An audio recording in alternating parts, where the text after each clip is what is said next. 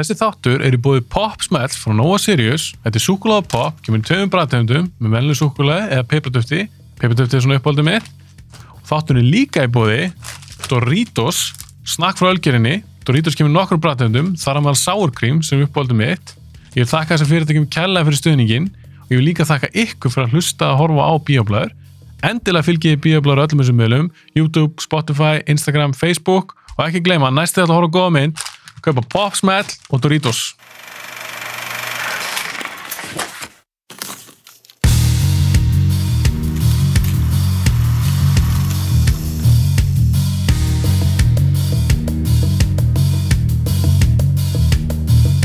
Ég ætla bara, þetta er svo skrýttin tímar mm -hmm. það er svo skrýttin tíma fyrir tónlistamenn að, hérna, að með þetta COVID, það er svo mikil óvissa Mm -hmm. Og núna eru svo smitin að rjúka upp hér og veist, liturinn á landinu er að breytast. Mm -hmm. ég er sem sagt, ef allt gengur upp, þá er ég að fara út í næstu vikum áskýri trösta Mm. að spila einhverja trennatónleika á Ítalíu. Og Ítalíu er ennþá græn Ísland er ennþá grænt. Í dag. Já, svo, en þú veist, Ísland er held ég bara að breytast um helgina eða eitthvað. Já. og þú veist, ég veit ekki hvort það verður appelsinu eða raukt og ég veit ekki hvað það þýðir. Og þetta, og svo fyrir varandi vinnu öryggi Mm -hmm. skilur sem er náttúrulega bara ekkert þegar maður er tónlistamæður til að byrja með sko. Já, en þegar, þegar svona ástand kemur ofan á það þú veist, þá er maður bara svona jæja, þú getur þú neitt plana nei, ef það er erfitt nei, það er mjög erfitt sko. þú veist, það er bara eða, það er mjög erfitt að plana svona hluti sko. mm -hmm. en ég er náttúrulega verið heppin að vinna í bíó og, og hérna þessi þáttur snertir ekki bíóvinnuna ég er svona one man operation sko. ég, ég ger þetta bara allt eitt sko. Já, þú meina það eða þú veist, meir og minna sko. Já. En eins og með það, því þú ert tónlistamæður Já. er það kannski próstulega séð, er það 80% vinnin í dag eða er það, skilur, versus þú sem fyrir kveikmyndir eða sjónvastætti? Er það 50-50 eða? þetta er bara, það er bara eftir í hvar þú veist bara, ég hef ekki, reik, ekki reiknað í prósentum hvað það er, Er svona sko tekjulega Já, er það örglað, þú veist nær 90% sko. tónlistin. Svo... nei, hérna, kvikmyndir Já, þú meina það? Já, já, ég meina, þú veist, svona, síðastlegin ár, þú veist, það hefur verið að gera stór verkefni. Já. Ég hef ger, gert, þú veist, þrjár serjur, svona, og eina bíómynd þar á milli. Og þú veist, það eru tekipóstatnir mínir. Já, það munar svo miklu en á fyrir þig, ef þú farið eitthvað svona stór verkefni. Já, svo er ég líka bara, þú veist, ég meina, ég hef verið heppin að vinna með, þú veist, geggiðu fólki og alls konar Mhm. fólki, en ég er samt ekki endilega búin að vera að spila mikið í hljómsveitunum þeirra, eða, þú veist, og það er náttúrulega ekkert búið að vera neitt túring í tvö ára eða eitthvað. Nei, reyndar ekki. skilur þú veist, sem, sem ég hef heldur ekkert verið að gera bara síðan ég var að spila með Múkisson, þú veist Mm.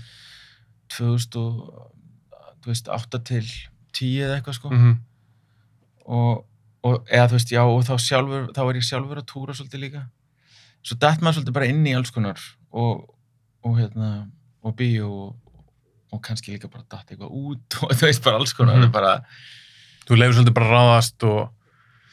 já, allt og mikið sko Mm. veist, ég er allt og mikið laufi vindi sko Já, ertu þannig hver? já, Bara þetta reddast, hver? Já, já, já, menna, þú veist, kona mín ætti að vera í þessu podcast hérna, sko. þú veist, það er hún sem þarf að lifa með þessu, sko. Hvað? Já, já, já, en hérna, eða þú veist, allan í þessum þætti. En þú veist, en já, þú veist, þetta er samt, þetta er náttúrulega það sem er, kosturinn við þetta er að, þú veist, maður er frjálsum tíma, Mm -hmm. þú veist, ég get verið heima með börnunum og, og skiluru, þú veist, já, því ég vinn heima, ég er með aðstöðu heima, sko. Er það með stúdíu heima? Já, ég er með svona stúdíu í bílskúrnum Já.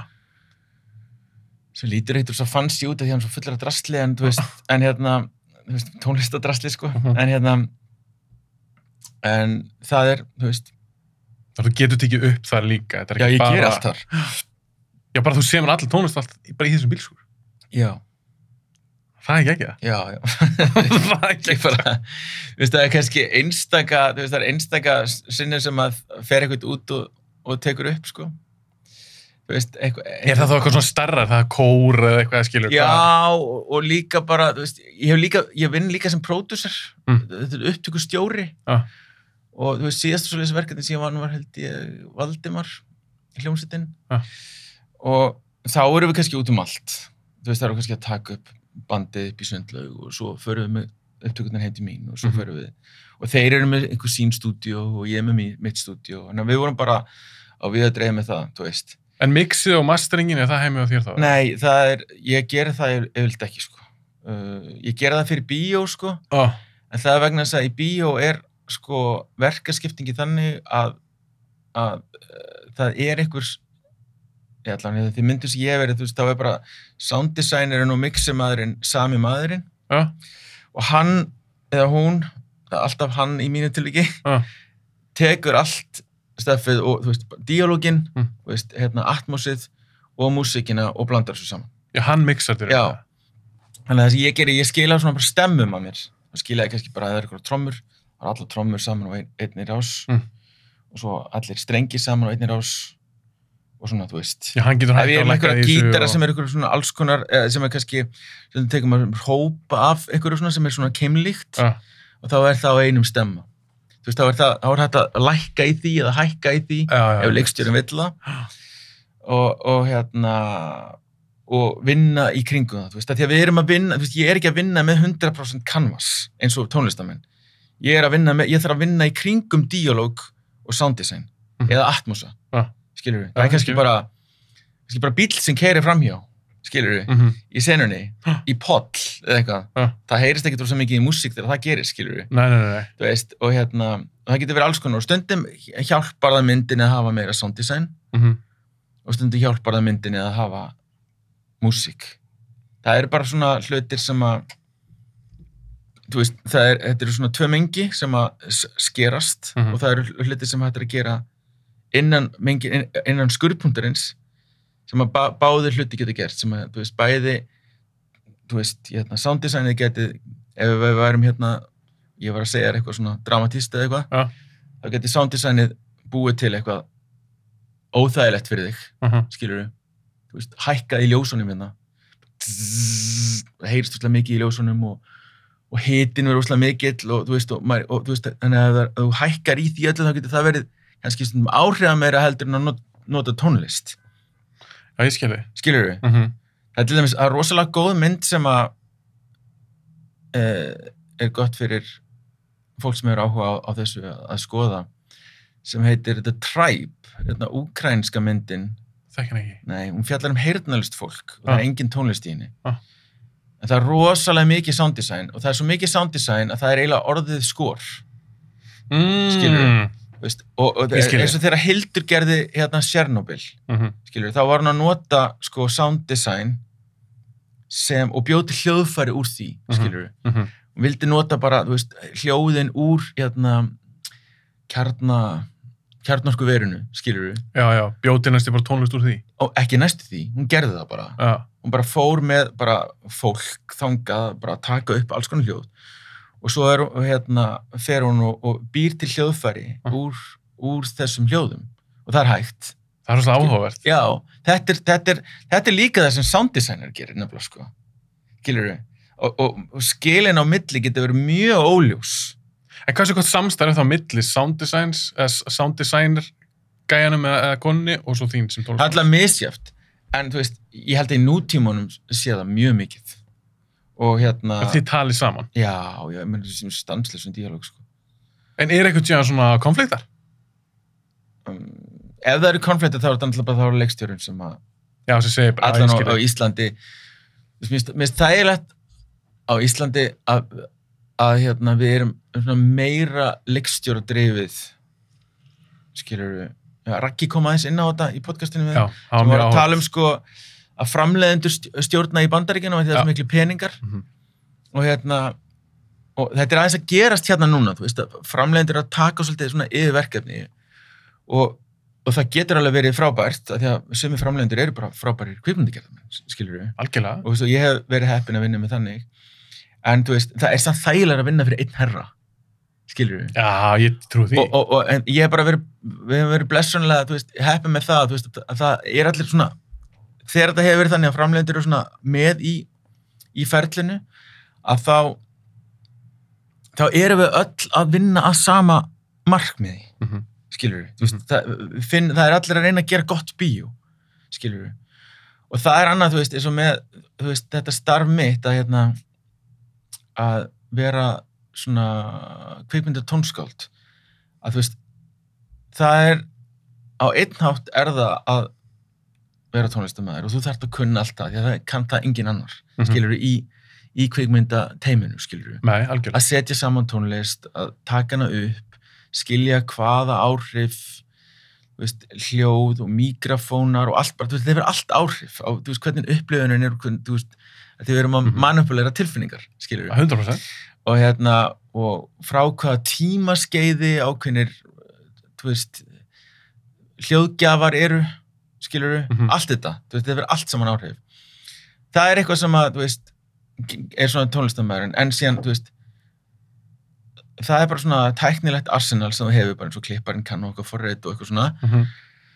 og hérna, en síðan er maður, þar, eh, þú veist, þarf maður breytum hatt og verða kvikmyndagjara maður skilur Já, ég skil. veist, maður fer úr þessum og það er, það er svona, þú veist, á einhverjum tímapunkti þá fór ég svona að líta á mig sem bara, ég, ég er sko ég, er tónlistamæður, það er alltaf grundtóttin í mér, en þegar ég er í þessari vinnu finn ég það bara, ég er kvikmyndagjara maður þú veist, ég er bara eins og hljóð ég er bara einn af eftirvinnslu krúinu og ég er bara reyna að gera gott bíó.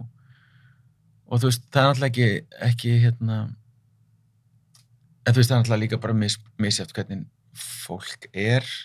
Ég veit ekki, það er líka svolítið svona innmannlegt að vera sko já, bæði sólaristamæður og, og, og tónskáld einhvern veginn, þetta Mm. er allt svona inn, innmannlega, frekar, þú veist, þú ert alltaf eitthvað einn, skilur eitthvað að, að hérna, að garfa sko, Já. þannig að það er svo gaman að vera í ykkur svona collaboration og hérna Hvenær kemur þú inn í þetta ferli? Ef við bara tökum, þú ert búin að gera núna, þú gerir Málmhaus með Ragnari, mm erst búin að gera fleiri myndir með honum? já, fanga síðan Fangas, ef seríuna, mm -hmm. er sem er Málmhaus, Málmhaus til, Málmhaus til dæmis. Hvenær kemur þú inn í þetta ferli? Er það alveg bara handitsleifóli eða er það bara þegar Ragnar er búin að skjóta myndina? Já, sko, þú veist, það er langt síðan að ég gerði málum, sko, Já. 2013. Ég er búin að gera rosalega mikið síðan þá. Þannig að þú veist, það er ekki, ekki rosalega gott dæmi. En En eitthvað svona nýleira þá, bara eitthvað sem þú mannst vel eftir? Já, þú veist, þetta er- þetta er náttúrulega bara misjátt, sko, hvenar, hvenar er kallað ímann, sko. Mhm. Og hérna, um, það þurfti að kalla í mig rosalega snemma í málmhaus og Já. af praktískum ástæðum. Og það er vegna þess að stærsta senan, katharsis senan í myndinni er lag. Mhm. og Raggi og ég, eins og ég sagði þér áður en þetta podcast byrjaði, við erum gamli vinni, hann þekki mig mjög vel, sko. Mhm. En samt eiginlega bara svona í gegnum þetta, bara professionally, sko. Við kynntumst þannig, sko. Einmitt. Að hérna, að þá, sko, að því að lag í myndinni, og það, það þarf að vera, það þarf að vera sérstætt lag í þessari mynd. Mhm. Það þarf að vera, sko, black metal lag sem á, einhver, á einhverjum tímapunkti skiptir hún um gýr, hún hera, Mhm. og fyrir að tala við samfélagið sitt sem er eitthvað venlegt fólk í sveit, Mhm. þú veist, á þorrablóti. Mhm. Og hérna, og við vorum alveg svona, þú veist, hann var alveg með, veist, hugmyndum hvernig það myndi vera gert, þú veist, hún myndi, þú veist, kannski slökka okkur með effektum og hætta öskra og syngja lagið. Mhm. Og ég ætla að laga höfundur, Mhm. þú veist, ég ætla gert það, hérna, bæði fyrir mig og aðra, að semja lög og Mhm. texta. Já. Þú veist, og það er, hérna, ég kenni það mér þess að einhverju leiti, þú veist, ég býð listaháskóla, sko. Og hérna, þannig að, þannig að ég þurfti að gera það. Og, þú veist, og, og, og finna það, og þá þarf það að taka það fyrirfram áður en þú ferð í tökun. Algjör- Vegna þess að, þú veist, að fólki þarf að mæma það og allir þurfa að vera bara, þú veist, hlusta á Mhm. rétta lægið, skilur Algjörlega. og hérna þannig að það var, það var gert þannig að það var náttúrulega komið mjög snemma inn í, inn í Málmhaus og svo þegar við gerum fanga til dæmis þá, þá hérna þá byrjaði ég, það er fyrst skeitt sem ég sendi músík eitthvað fyrirfram Áður en að tók upp, eða? Nei, komin að fyrir. bara meðan hann var í tökum, þá var ég bara að senda á hann einhverja músík Ah. Og þá var hann bara svona, þetta er ekki að þetta er svona, þú veist, talar ekki eins mikið til mér þetta, er- ekki að þetta, þú veist, og svona Ah. og svo notaði ég eitthvað af því, skilur það er svona, en, það hjálpaði alltaf mikið að, að hérna, og breytti svona eins mínu mínu ferlið, ég getur vel sagt það fram að því var ég kannski of mikill kvikmynd að gera, eða þú veist, of mikið að reyna bara að gera akkurat þú veist, það sem passaði senuna Já. En þú veist, það er svo gott að hafa líka svona, frelsi einhvern veginn já, eða bara svona vera kannski með einhver, einhver svona tón fyrir allt, Ah. sem bara einhver svona lög sem að, sem virka. Ah. og til dæmis, síðasta serið sem ég gerði var hérna fyrir Dag Kára Pétursson sem heitir hérna Velkomin til Utmark.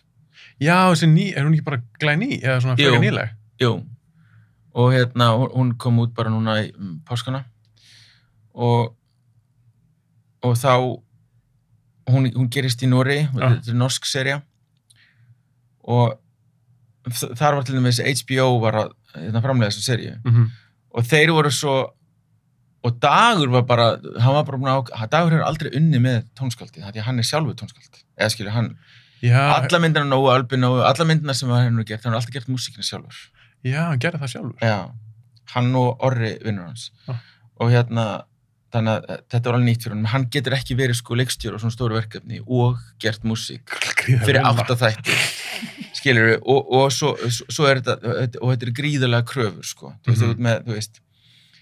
Þannig að þú veist, það að ráða mig veist, að fyrsta, fyrsta sem að ég fekk sko, bara svona, já, við viljum gera það hérna uh, en framleiðandur eru ekki, eru ekki vissir sko, veist, með þig. Að, ég, þess, það sem ég gerði undan var brot sem er, þú veist allt annað sound. Veist, það, það er rosa svona svona, svona dark electronic score Já, sko, veist, bara svona bara svona úti, svona post-punk sko. Mm. og hérna, og þetta átti ekki að vera það sko, Mm. þetta, þetta er svona, veist, sveita drama, eitthvað meira svona soft svona meira Eitthvað. líka svona það er- er svona hint af svona, kúrika já, þannig. Svona kúrika dýnamík á milli bón- bóndana sko, og hérna og, og þannig, þannig að það þurfti að vera og, og dagur er líka bara, hann er rosa organískur, þú veist, hann er alltaf þú veist, þeir hafa tekið upp þú veist, ekki stafrænt, þú veist, oft tekið upp á, á þú veist, teip og, Mhm. þú veist, nota þú veist, gömur hljóðfari og gamla mikrofóna og allt þetta skilur Mhm. og hérna þannig að, þannig að ég, þú veist, sé þarna og, og, og svo, svo segir Dagur mig, já, en þeir vilja fá, þú veist, þeir eru að segja þeir vilja fá eitthvað svona modern skor og, og ég er alveg svona, þú veist, ég sé alveg hvað þeir vilja því ég veit á því skilur Mhm. ég veit alveg hvað HBO er að tala um Já. þegar þeir segja modern skor Já. og hérna, og ég veit alveg hvað hann er búinn að gera, þannig ég er bara, ok, ég þarf að samina þessa, ég þarf að samþætta þetta. Ah, og svo hérna svo kemur hann ég, já, ég sagði, getur ekki bara sendt mér þú veist, eitt þátt eða eitthvað, ég get bara að prófa nei, það er bannað. Þú veist, ha, áttu við. Erum við ekki að reyna þú veist, hvernig á ég þá að gera þetta uh, ég get sýndir ég þetta bara í iPadinum. Og sýndir mér bara grófklipp í iPadinum. Skilur við, og við horfðum á það saman. Og ég var bara, wow, þú veist, þetta er stór, hann er stórkostlega kvikmyndikina með sko. Þetta, bara, þetta var svo fallegt og veist, það var svo vel leikið og, og það var engin músík. Mm. það hefði trubla eða hefði verið eitthvað svona, þú veist, lélegt undir þá Já. hefði þetta virkað verra, sko. Þannig að mitt litur sko er svolítið, ok, ég má ekki klúðra þessu, skilur við en það má ekki vera verra en það er, þú veist, með yngri músík, skilur við þá næst ég bara svona eitthvað No Country for Old Men, sko, þú veist hérna, sem er svona alveg notoriously lítil músík sko. já, einmitt. En hérna þetta var svo flott hjá honum. Og hérna já, en þannig að þannig ég bara, ég bara fæði sjá þetta og bara, já, prófaði bara að gera eitthvað. Þannig að, þú veist, ég er bara með þetta ég er náttúrulega komið talsvara reynslu þarna ég er búin að gera brot, ég er búin að gera fanga búin að fá nokkra klukkutíma, þú veist algjörlega í hérna í vinnunni, þannig að, þú veist, ég hugsaði bara, ok en ég veit hvað, hver- hvers konar músík getur virkað aftur og aftur og hvað er Mhm. hægt að nota og ég kann að, þú veist setja músík saman þannig að, að þú veist, það er hægt að nota hana og á mismunandi hátt og Já. nota element úr henni með, með ykkur öðru og blanda hlutum saman og, veist, búa til svona heilan heim mm -hmm. það er bara svona heilan heim af ykkurum legoköpum sem er að kuppa saman á alls konar vegu Mhm. skilur við. Þannig að ég sett saman eitthvað svona, þú veist, eitthvað nokkuð Q eins og að kalla, skilur við, þá var lögin kallið Q. er það bara eitthvað svona mínúta eitthvað Já, já, þú veist, já, þessu tilviki var þetta svolítið lengra, sko, Já. þú veist, þá sett ég saman svona heil lög bara mm og hérna, og ég fekk svona mm, mm, mm, frá normununum, eða þú veist, einhver allir bara, veist, allir bara leist vel á, skilur og hérna, og þá fekk ég 11 mínútur. Það fekk ég ekki heilan þátt, ég fekk ég 11 mínútur til, til að skora það. og Var var þetta bara upp á öryggi að þú er ekki að þeir- dreifis á netinu? Já, algjörlega út af því, sko. Og, og bara, þú veist, þú, þú skrifur undir alla samninga, þú veist, að þeim mega bara drekja mömmuðinni ef, ef þú deilur þessu eða eitthvað skilur, þú bara, og hérna, og ég bara, sagt, ég ger þessi allir myndur og hérna, og þá fekk ég rá, ráningu, þú veist, ég held að hafi tekið eitthvað, þú veist, rúman mánuð eða eitthvað, þú veist, bara, Var þetta bara svona audition ferdi? Já, þetta var bara audition, sko. Og samt er ég, sko, þú veist, ég er, ég er ekki stórt nafn, skilur, en ég er samt alveg, þú veist, ég er alveg gert hluti, skilur, ég er alveg, ég er alveg svona, þú veist, ég er alveg seasoned svona allavega á, á Íslandi, en ég skil alveg, þetta er, þetta, þetta er alveg svona, þetta er svona stærra, hérna, Já, dýrt verkefni vandalega og og, eitthvað svona, veist, og, og þeir hafa auðvitað úr, úr mörg að velja, en, og það er ennþá, þú veist, það var ennþá hlusta á, veist, dag, þú veist, Já. hann er svona, hann er svona alvöru og tör, sko Mhm. þú veist, og þeir vildi fá þannig leikstjóra skilur, þannig að þú veist, og, og þeir hérna, Þeir eru ekki hann að breyta honum beint í rauninu. nei, og, þú veist og, og, og hérna, já, ég veit ekki, hann verður að svara fyrir það okay. Hann- Vonaðu það besta. já, skal fá hann skal fá hann hérna til þess að, Það verður ekki að býra á Íslandi það? já, Já, hann býr á Íslandi. Flott. hérna hann lendi í einhverju alls konar en hérna, en það, það er það er hann þess að, en hérna eh, en uh, Þannig að þú þessi 11 mínútur og byrjar að ég skoða fæ þessi það. 11 mínútur, ég, ég geri, geri bara þessi 11 mínútur, þú veist, bara eins og ég sé þetta, Mhm. þú veist, og út frá því sem að ég var búinn að vinna að einhverju leiti, þú veist, ég var búinn að setja, setja eitthvað svona tón fyrir eitthvað og þá, þú veist, þá fekk ég grænt ljós, Ja. hérna, frá þeim og hérna, og eiginlega bara, já, sára litla nótur, sko, ég fekk alveg bara rosa, rosa mikið svona support. Þannig að það var einu bara mjög skemmtilegt væntalega fyrir því þá að semja fyrir þessa serju.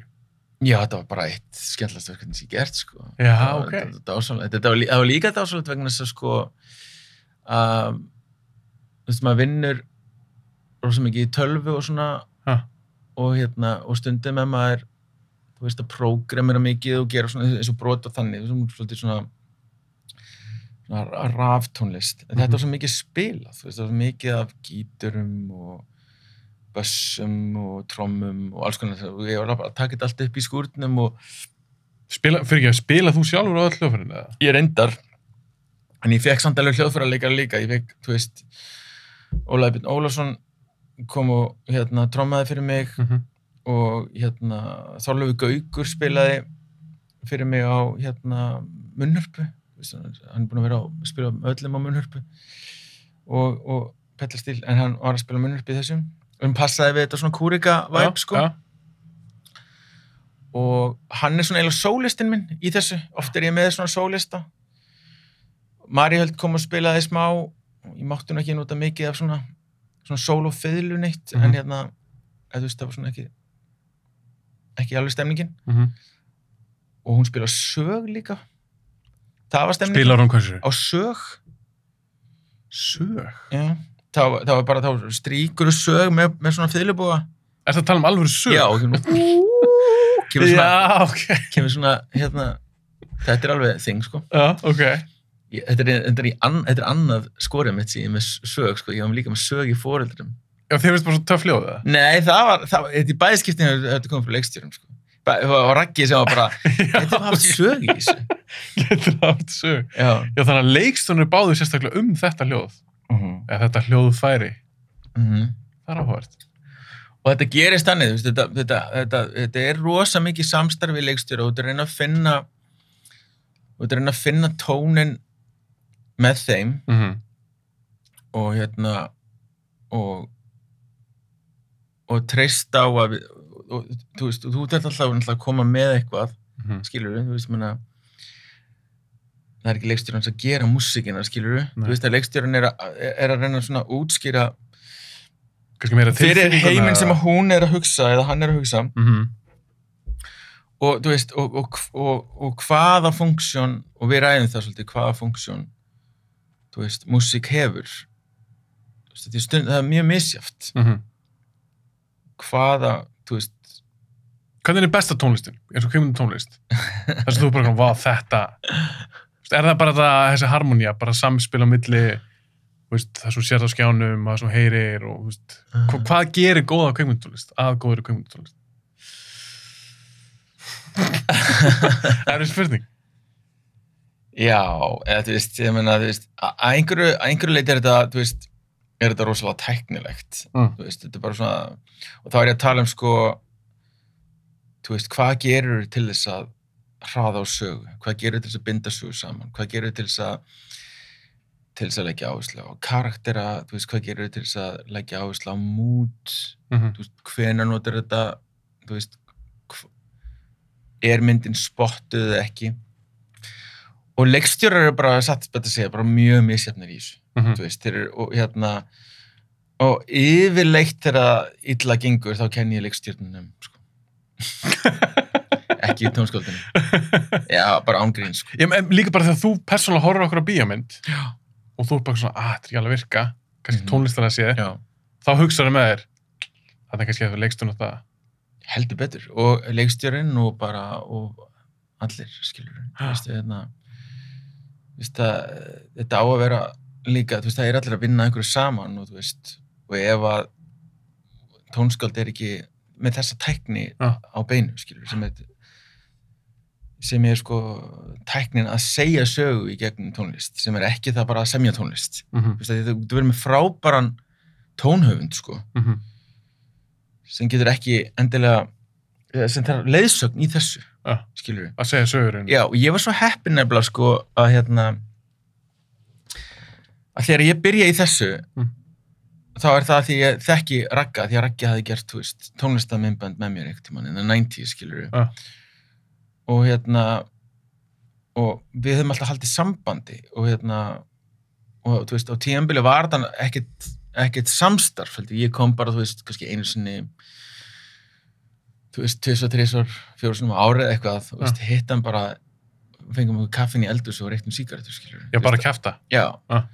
Og hérna, og vorum bara svona, og, og vorum að ræða bara, þú veist, list og kvikmyndir og, og oft hann að segja mér eitthvað sögur, skilur, því að hann er sögumæður, þú veist, Mhm. hann bara, já, þetta er, þú veist, þetta fjallar um gamla konu, þú veist, sem er, hérna, þú veist, eitthvað, Mhm, þú veist, hérna, ég er svo hættur um að kjafta ykkur þannig að ég ætla ekki að se- segja meira, sko. Nei, ekki það að segja eitthvað ópersonlegt. Eh, Nei, að, þú veist, kjafta ykkur handrættir sem hann er með, skilur, í skúffunni, sko. Já. Að því að- að- að- að Svo margar svona sögur sem hann, Sem hann er með í hausnum. Já, sem hann er sagt manni sko. Mhm. Eina þeim var til dæmis bara að þetta fjallar um stelpu sem hún býr út á landi, skilur Já, mál, sem var síðan málmus. sem var málmus. Og, Veistu, hérna, hún missi bróður sinn sko, þú veist, hún, hún, uppgötar svona metal sko, þú veist, og hérna, hérna, svona segir hann mér oft svona synopsis af, af. Af einhverjum sögum sko. En þegar kemur að því, það er ekki fyrir 2005, það er ekki fyrir 2004 væntalega að, hérna, veist, ég útskrifast úr, úr tónsmíðanámi 2004 Ah. og hérna og gera eitthvað svona smá leikhús fyrir Benna Ellings Ah. í kjölfarið og það er ekki fyrir hann að, veist, að hann gerir börn og foreldra að hann, þú veist, beði mig um að gera músík fyrir sig og það er líka svona svolítið, þú veist, ég meina þú veist ég vissi ekki neitt, sko. Skilur, en þú veist, það, það eru fleiri tónskald sem hafa sagt þess að sömu sögu, sko, og hérna, Carter Burwell til dæmis sem að, hérna, Coen bræður, Mhm. þú veist, hérna nota mikið. nota mikið og bjúku til, sko. Mm. þú veist, hann er þannig gæi, sko, þeir fengu hann bara alveg kaldan og hann vissi ekkert hvað hann var að gera. Þú veist, svona, svona kannski alveg klár gæi, skilur þetta að tala við hann. En mæntalega tónlistum er í grunninn. og tónlistamæður í grunninn, skilur en það er bara, ég, það er það sem ég er að segja, sko. Veist, það, það að vera tónlistamæður og það að vera kvikmyndagerðamæður er sikur hluturinn, Mhm. skilur þú verður að átta, þú verður að, að geta einhvern veginn áttað á því hvað það er sem að sem að hvenær ertu að hjálpa myndinni og hvenær ertu ekki að hjálpa myndinni og hvað, veist, af hverju er músík Mhm. Af hverju ertu að hafa músík yfir höfuð, Mm. Þú veist, er, það, er það að gera eitthvað, Mhm. ef ekki prófaði þá að mjúta það prófaði þá bara að slökka á henni Ég bara hafa, hafa enga tónlist já, prófaði að aðtöða hvort, að- hvort að sena virki betur þannig Mhm. skilur og hérna og það er oftast mistökin sem að maður sér Mm. hjá öðru fólki er bara allt og mikil músík músík gerir ekki neitt og verðum með, með sko ef við verðum að ef við verðum með þú veist, bara rosa mikið sound design alltaf, skilur við, þú veist, við verðum bara að tala eitthvað svona vennilega núna, sko, og það væri bara eitthvað geðveikt hátt í ljósunum hérna, það verður bara þreytandi, skilur við Algjörlega. en ef að það kemur á réttu augnablikki að akkurat til ég segja við þig byrju, Hafsteinn hérna, bustaði þú ekki tennundan í morgun? Mm. og þá allt í einu kemur eitthvað svona og þú bara uh, fara kvíðakasta því þú bustaði ekki tennundan í morgun. Þá, þú veist, þá er músikin eða þá er sounddesignið að hjálpa kvikmyndigerinni að segja sögun að þú ert eitthvað svona kvíðasjúklingur Já, ég skil þig. Skilurðu mig? 100%. Já, þú veist, tónlist þarf að hafa, sko, það þarf ekki endilega að vera svona dramatíst, sko, Mhm. en þú veist, en, en, en þú verður að hafa funksjón og þú veist, það er alveg, þú veist, í animation, þá er músík allan tíman, en hún er, hún er rosalega, þú veist, það sem að kalla cartoonish, skilur, þú veist, hún, Já. hún fylgir hverja einasta, þú veist, hverja já, já. hreyfingu Aha. hjá karakterunum. Hérna, Þetta hljómar rosa fín lína. þetta er rosalega fín lína þú veist, og, og hérna en þetta verður ekki svona flókið að sjá þetta þegar þú ert búin að, þegar þú ert gera þetta nokkru sinnum Mm. þeir eru búin að, og þeir eru að vinna með vönuleikstjórum og þeir eru að, að hérna, búin að horfa mikið á bíó og svona og því við horfum þú veist, kvikmyndi gera fólk horfur öðruvís á bíó heldur en venilegt fólk Algjörlega. þú veist, þú heyrir ekki þegar Q kemur inn, ég heyri það bara bara um leið og músikin byrjar sko. Ah. það er bara ding, að það kemur músikin inn Ah. Og þú veist, og svo fylgi, fylgist ég með hvað hún er að gera, skilur við þetta, fólk, annað fólk heyrir þetta ekki Skilur. En hérna, ég veit það bara því ég hef oft hort á bíó með öðru fólki Og þú líka kant mörg trikk í þessu. já, svo, svo, svo er það, þú veist, þú kant ykkur og þú skilur svona, þú veist, hvað getur gert og hvað getur ekki gert og svona, og það, það hjálpar það hjálpar hérna bíónu stundum og stundum hjálpar það bíónu ekki En er það samt að njóta þess alveg? Þú- já, já, já. of mikið að rýna í? ef það er vel gert, að njóta skilur, það, það, það, það er líka stundum að vera vel gert, en hérna svo er, sko svo, þú veist að segja, þú veist, hvað er veist, hvernig er þetta best mér finnst þetta áhugaverðast allavega að horfa á þegar, leikstjórar gerir þetta þegar leikstjórar sko, Hvað meinar með því? virkilega góðu leikstjórar Já. ég var að horfa til dæmis hérna Drúk, hefur þið séð hana? Nei, ég eftir að segja hann, með Mats Mikkelsen. Já, Ég að Tómas Vinterberga myndina hann. Mhm.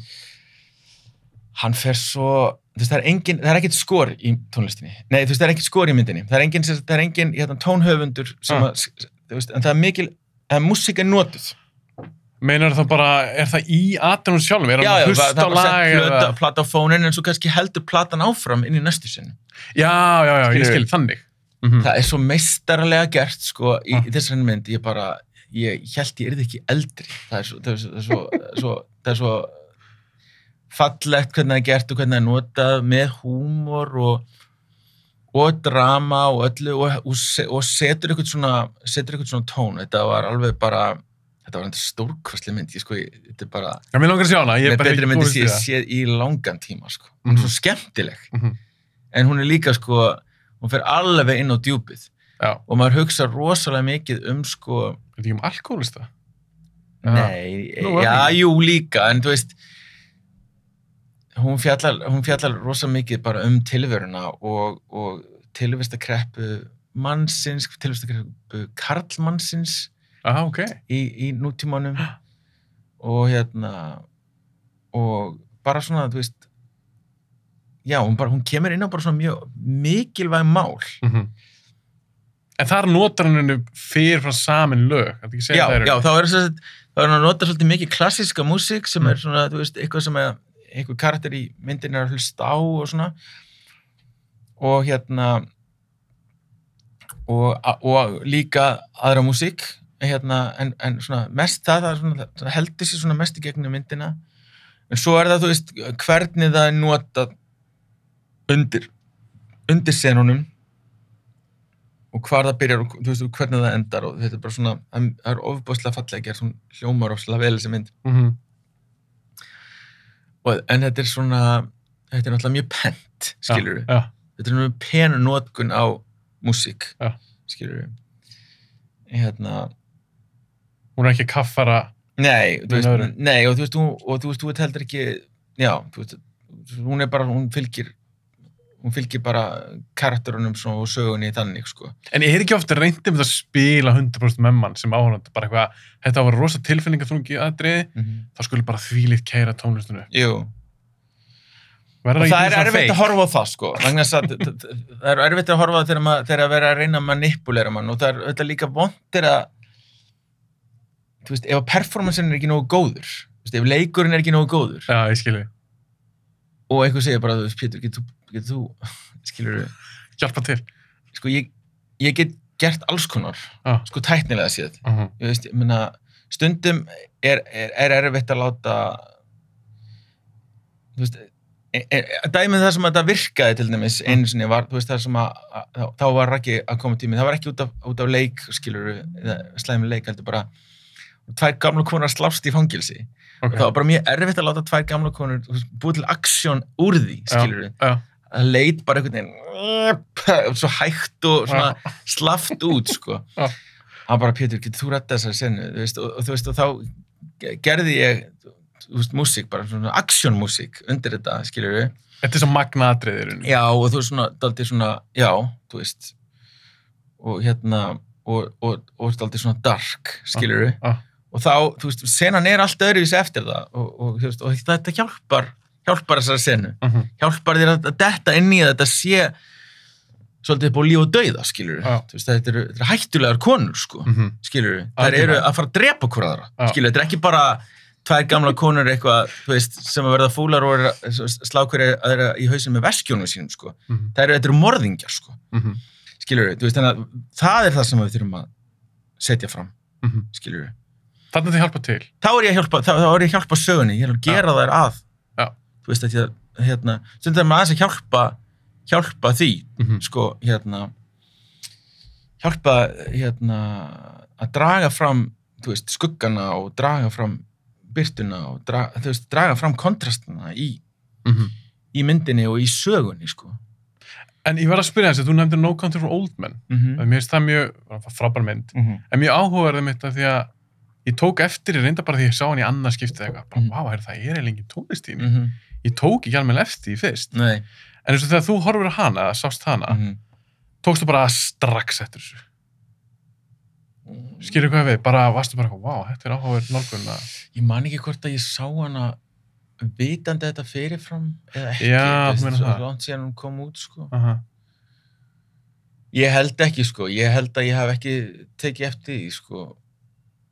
En hún er, hún er að koma út eh, 2006, 2007, já, eitthvað já, leis. já, Hún er að koma út þegar, þegar ég er að gera mín, mína fyrstu bíómyndi, sko. Mm Um, Að því ég man ekki til mörgum svona dæmum, sérstaklega ekki svona stóra Hollywoodmyndir.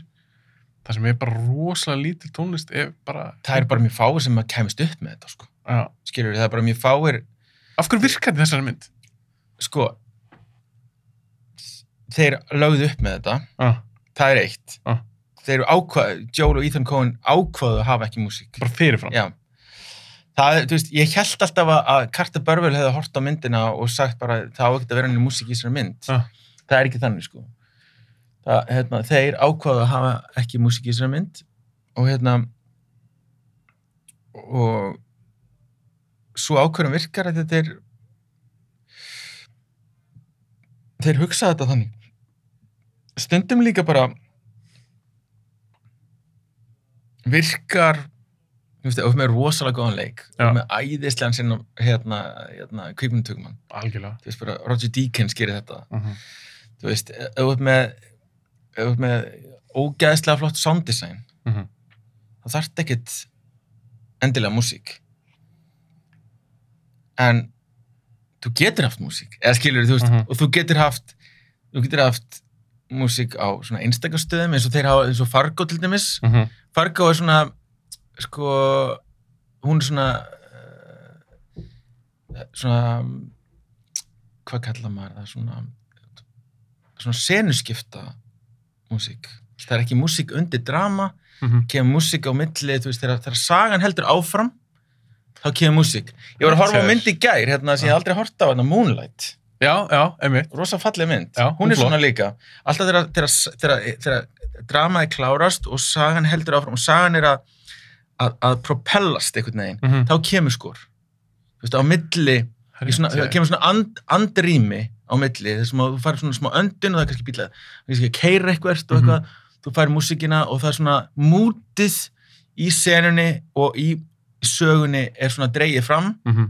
og svo er svona smekklega dreigið tilbaka. Fargo er, er, er, er þessi tegund af tónlist líka.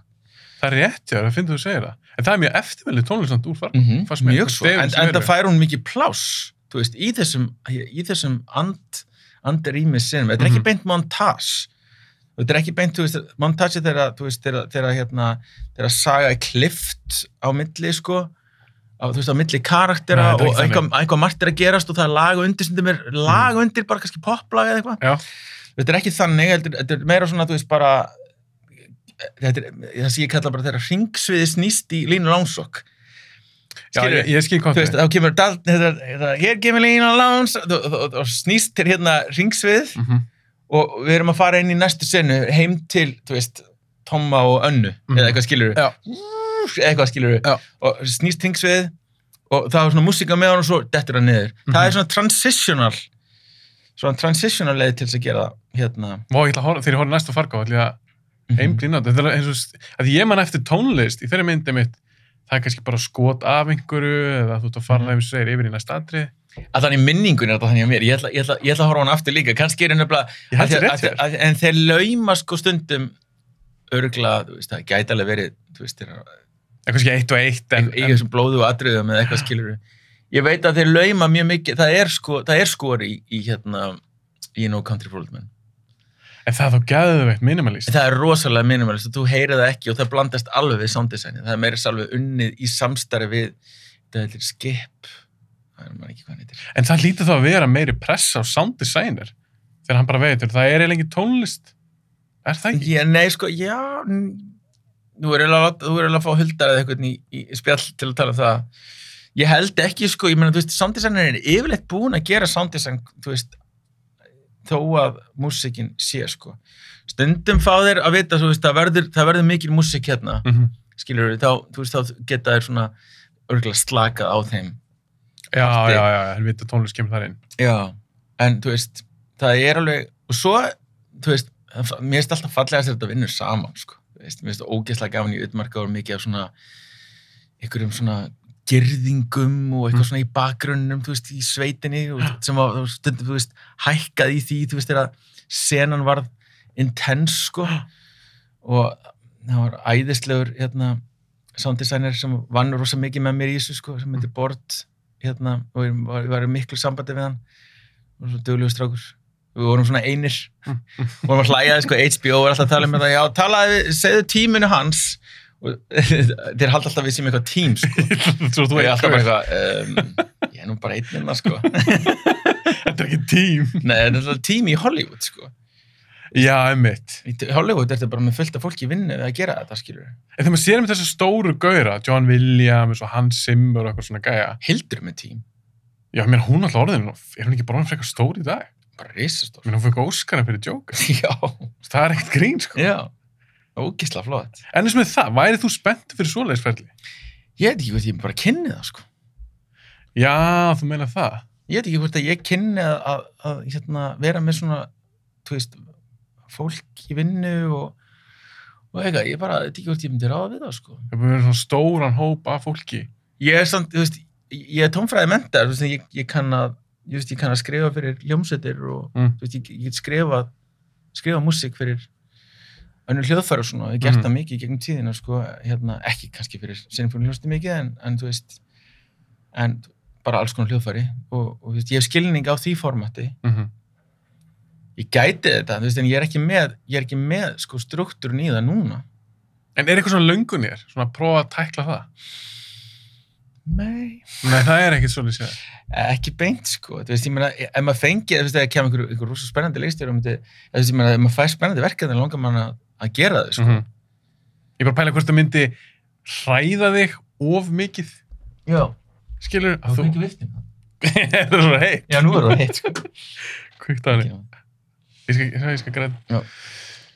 Ég er bara að pæla- bara að pæla hvort það myndi svona hræða þig bara eitthvað svona of mikið að þú er bara svona, nei, þú veist, þetta er ekki fyrir mig. Eða svona, já, þetta getur svona pínu spennandi. Nei, þetta er sko, þetta er, þetta er meira það sko Þetta er bara meira hvernig ég orða þetta þú veist, þú ert kannski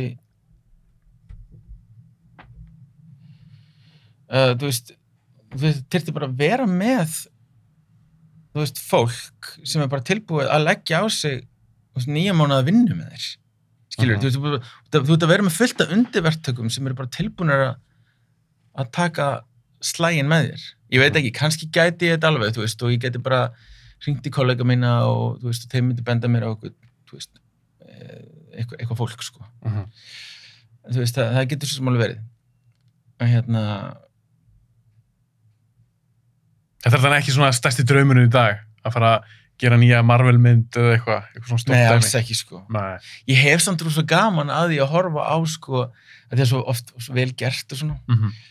og hérna ég, til dæmis hérna þið voru að tala um Tenet um daginn Mhm. uh, Kristoffer Nolan hún sándar alveg stórkostlega sko.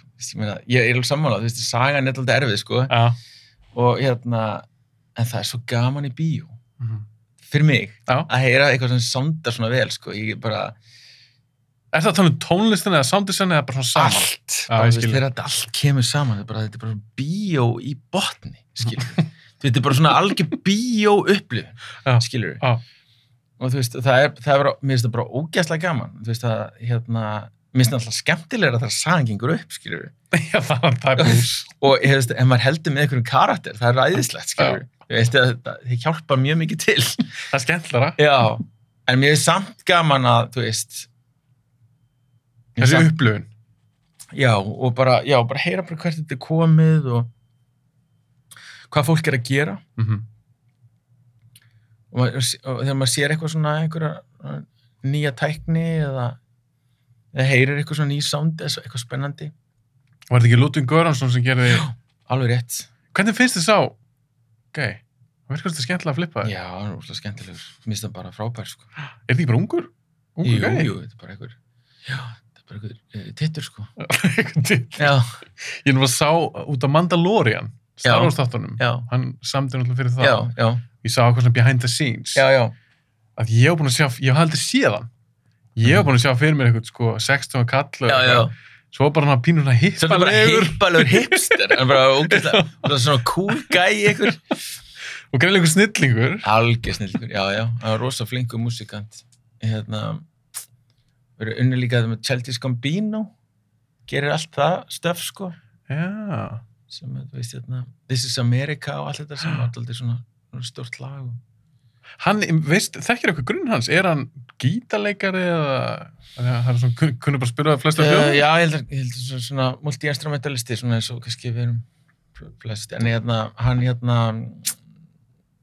hann hafði með eitthvað svona tónfræði bakgrunn sko, Já, Þú veist, já. hann er eitthvað svona Lítur að hann vera. er eitthvað svona mentaður sko Mhm. En sástu eitthvað Mandalorian? Já, ég það með, með stelpunum mín, sko. Það var Ok. okay. ógislega gaman. Þannig að þú er búin að sjá þess að þetta. Já, Tónlistin í þeim, já, við tökum bara tónlistina aðeins. Persóna fannst mér hún rosalega flott, já, áhrifarík og töff stef, eftirminnlegt stef. Hvernig fannst þér hún? Sko, mér finnst hún, hérna, bara fín. Þú veist, ekki rifin? jú, og, og mér finnst, finnst það svo gaman, mér finnst, allt main theme þetta, mér finnst það ógislega flott og svona, og svo stundum fannst mér hún vera svona svolítið bara, svona genreleg og, Mhm. og svona, Basic. Svona svolítið basic, en, en hún, það sem að er náttúrulega stóra við þetta er, þetta er rosalega departure, Mhm. skilja því að, sko, Star Wars heimurinn er bara John Williams. Já. og John Williams er bara risa svona, svona orkestral sound og, svona, og daldi svona líka að einhverju leiti gamaldagslega til þess að segja sögu sko. Mm en líka þú veist, ég minn hann er bara búin að hann, hann skepur þetta þú veist, þetta fag -hmm. rosa mikið Já. En finnst þér að vera þú segir svona gamaldags, ertu að tala um, er hann of svona grand eða svona stór eða? já, ég ætla, ætla það ekki stundum bara svolítið melodískur skilur Mm -hmm. þú veist, stundum er, er ekki alltaf þú veist, bara, hérna kemur vondi kallinn, vondi kallinn skilur, kemur svolítið þetta, þetta sko þú veist, þetta er svona attitútir sem að er ekki skeri lengur skilur, þú veist, bara ef, ef þessi músík kemur og hérna þú veist, ef, ef þú myndir vera með eitthvað svona svartöða típ í dag þá kemur ekki með þetta er bara barnalegt, sko. Skilur þú myndir bara aldrei gera það. Ég aldrei hugsað það. Nei, nei, en, en, þú veist, en, en þú veist, Star Wars eru barnamyndir að einhverju leiti, sko. Já. en hérna en, en þú veist, þú veist, ef þú erum eitthvað, eitthvað svona í dag, þá myndir miklu frekar þú veist, notaði mitt bara hljóð og, og óhljóð og eitthvað til þess að skapa óþægindi. Þegar þessi, þessi, þessi svarti maður kemur inn, skilur sem að, þú veist, drepi fólk með hugarorkunni, Ah. skilur Þetta, Væri þetta kannski meira eins og Joker í Dark Knight? Var það ekki bara eitthvað svona... jú, jú, hljóð akkurat, og- það, það, er, það er nútímalega leið til þess að, hérna, til þess að útskýra mann sem er ekki alveg með sönsum, eða Mhm, skilur sem er, Já. eða sem að, já, sem að er ódreiknalegur, Fannst þetta töf í Dark Knight? Þú sást þannig að varst að bara, wow, þetta er töf. Já, ah. hún verður líka alveg mjög sjannrarlega á köplum, upphásaðriðin er, er dásanlegt, það er mm -hmm. rosa ritmíst, sko. Mm -hmm. Og hérna, en, og þetta sem hún mannst, þetta, mm -hmm. það er bara kemur á örfám líkil mómentum mhm. fyrir. Eftirminnlegt. Já, eftir, eftir bankar hann og horfir á hann og heldur á grímunni Mhm. og horfir á grímunni og njéé, svo kemur þetta svo, þú hann stendur við götuna njéé, eitthvað skilur Já. þú veist, bara svona rétt að, bara svona establishera þennan karakter, sko Mhm. en, en þar einhvern veginn einmitt kemur þetta, kemur þetta svo saman, sko þú veist, það hefði verið, ég myndir ef það hefði verið, sko ef að jókerinn hefði verið eitthvað Nena,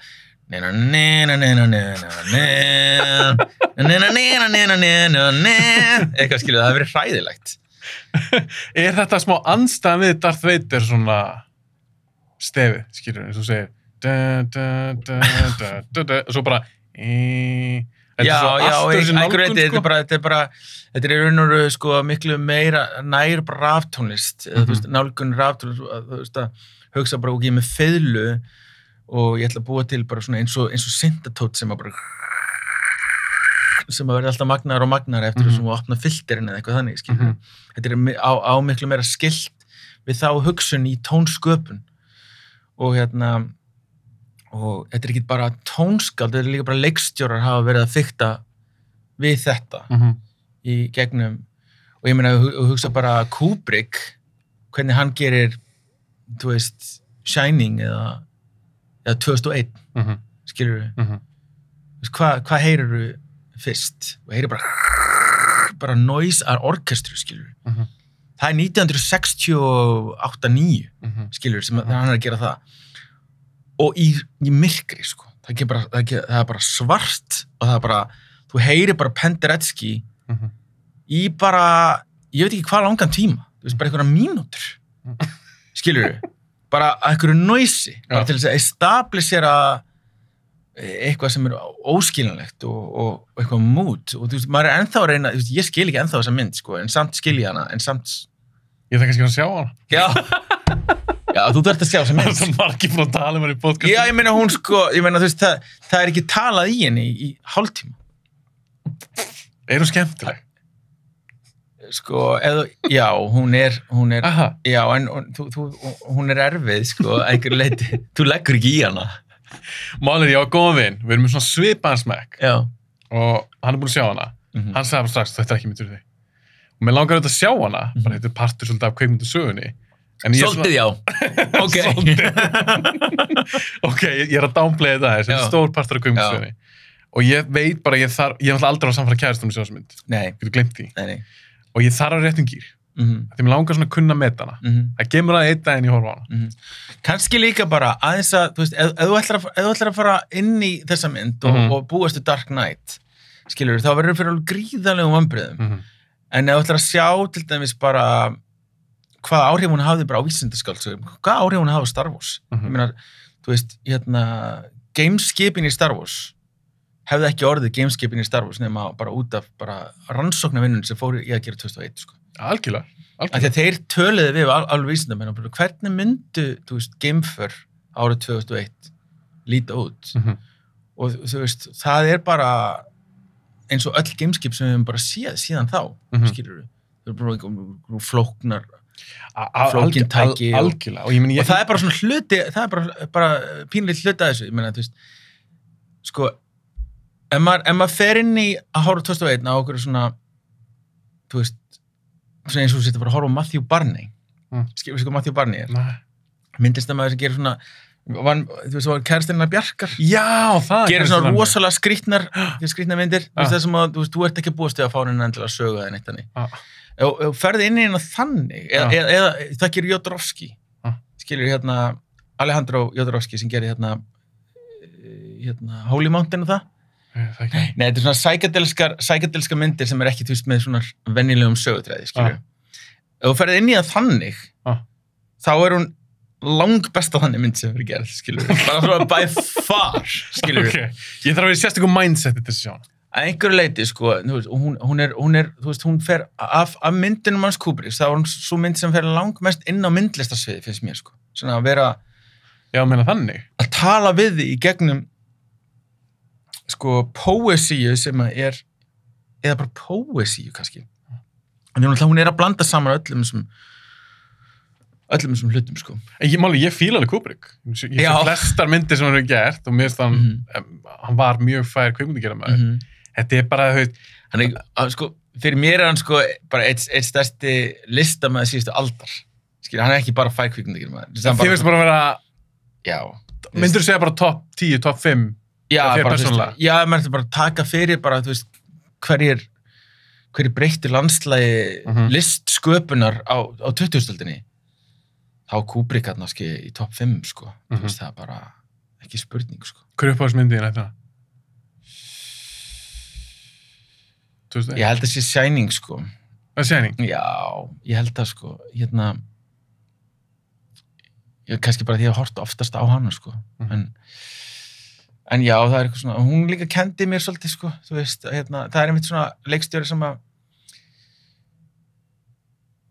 sko sumi segja það bara já, þú veist, þú, hérna, þú veist tónlistin á ekki alltaf að segja það sem að er á skjánum Já. eða eitthvað skilur, tónlistin á ekki að tónlistin ástundum að vera, þú veist, að gera anstæðan við það sem er að gerast og eitthvað svona Mhm. Kubrick, þú veist, það er margir nota hans að dæmi um það, hann gerir það aldrei. Það, þú, þú skilur ekki kvikmyndatónlist og heldur það að hann sé að, að gera anstæðina við það sem er að gerast á skjánum. Mhm. hann er að gera nákvæmlega það sem að er að gerast á skjánum, bara ekki það sem þú býstu það sé. Skilur, það er stór munið þarna Já, þú veist, þegar hann notar vínavalsana í 2001 þú veist, það sem út með gameskip og eitthvað skilur, Já. þá er hann bara að tala um þú veist, þetta er bara hápuntur siðmenningarnar Mhm. skilur, þetta er bara þetta er bara, þetta er fínt og fallegt og, og það sem að man, mannskeppnin er færum að gera skilur og þú veist, dú, út í geimnum skilur Mhm. þú veist, fólk finnst þetta þess að þetta sé þetta er einhverju leiti, þú veist, þú veist sterkir anstæði litir en, er ekki, en hann er ekki hættur að segja söguna skilur, Nei, nei, nei, ég skilji. hann er ennþá að segja söguna sko. Mhm. og En þessi Shining, það er eftirmjöldin tónlist í henni. já, svo, líka, líka bara all, allt hérna e, músikin í hérna í Clockwork Orange Mhm. þú veist, í slagsmálusinum það sem er bara svona einhver gleðileg músík Já. það er ekki að það er bara ógeðslega gaman hjá þeim að lemja og nauðga fólki skilur, þeim finnst það bara ógeðslega gaman Já. þú veist, þeir eru bara siðblindi menn Já. og hérna, og við, og þú veist, þó við skiljum þá ekki, skilur við Nei, nei, nei. þá, þá, þá, þá er verið að reyna portrera þessu, við Áhör punktur. Þú þú horfður á þetta, sér eitthvað sækóa og heyri gleðilega. Já. Þið veist algjör anstæður.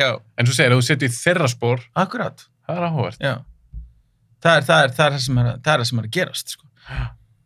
og Shining var náttúrulega hún líka bara endur þú veist, stilti þe- þetta hérna horror genre algjörlega Mhm. þú veist, bara fram að því þá var horrormusík eitthvað, einmitt, þú veist, dan, dan, dan, dan, dan, dan, dan, og, og þú veist, og upp úr þessu þá var hún bara þú veist, bara eitthvað noise og, Mhm. og hérna, þú veist, að því að hann var að nota þannig músík, hann er að nota þú veist, Penderecki er að nota Lee Getty og hann er að nota Bartók, svona heila út í út í gegn.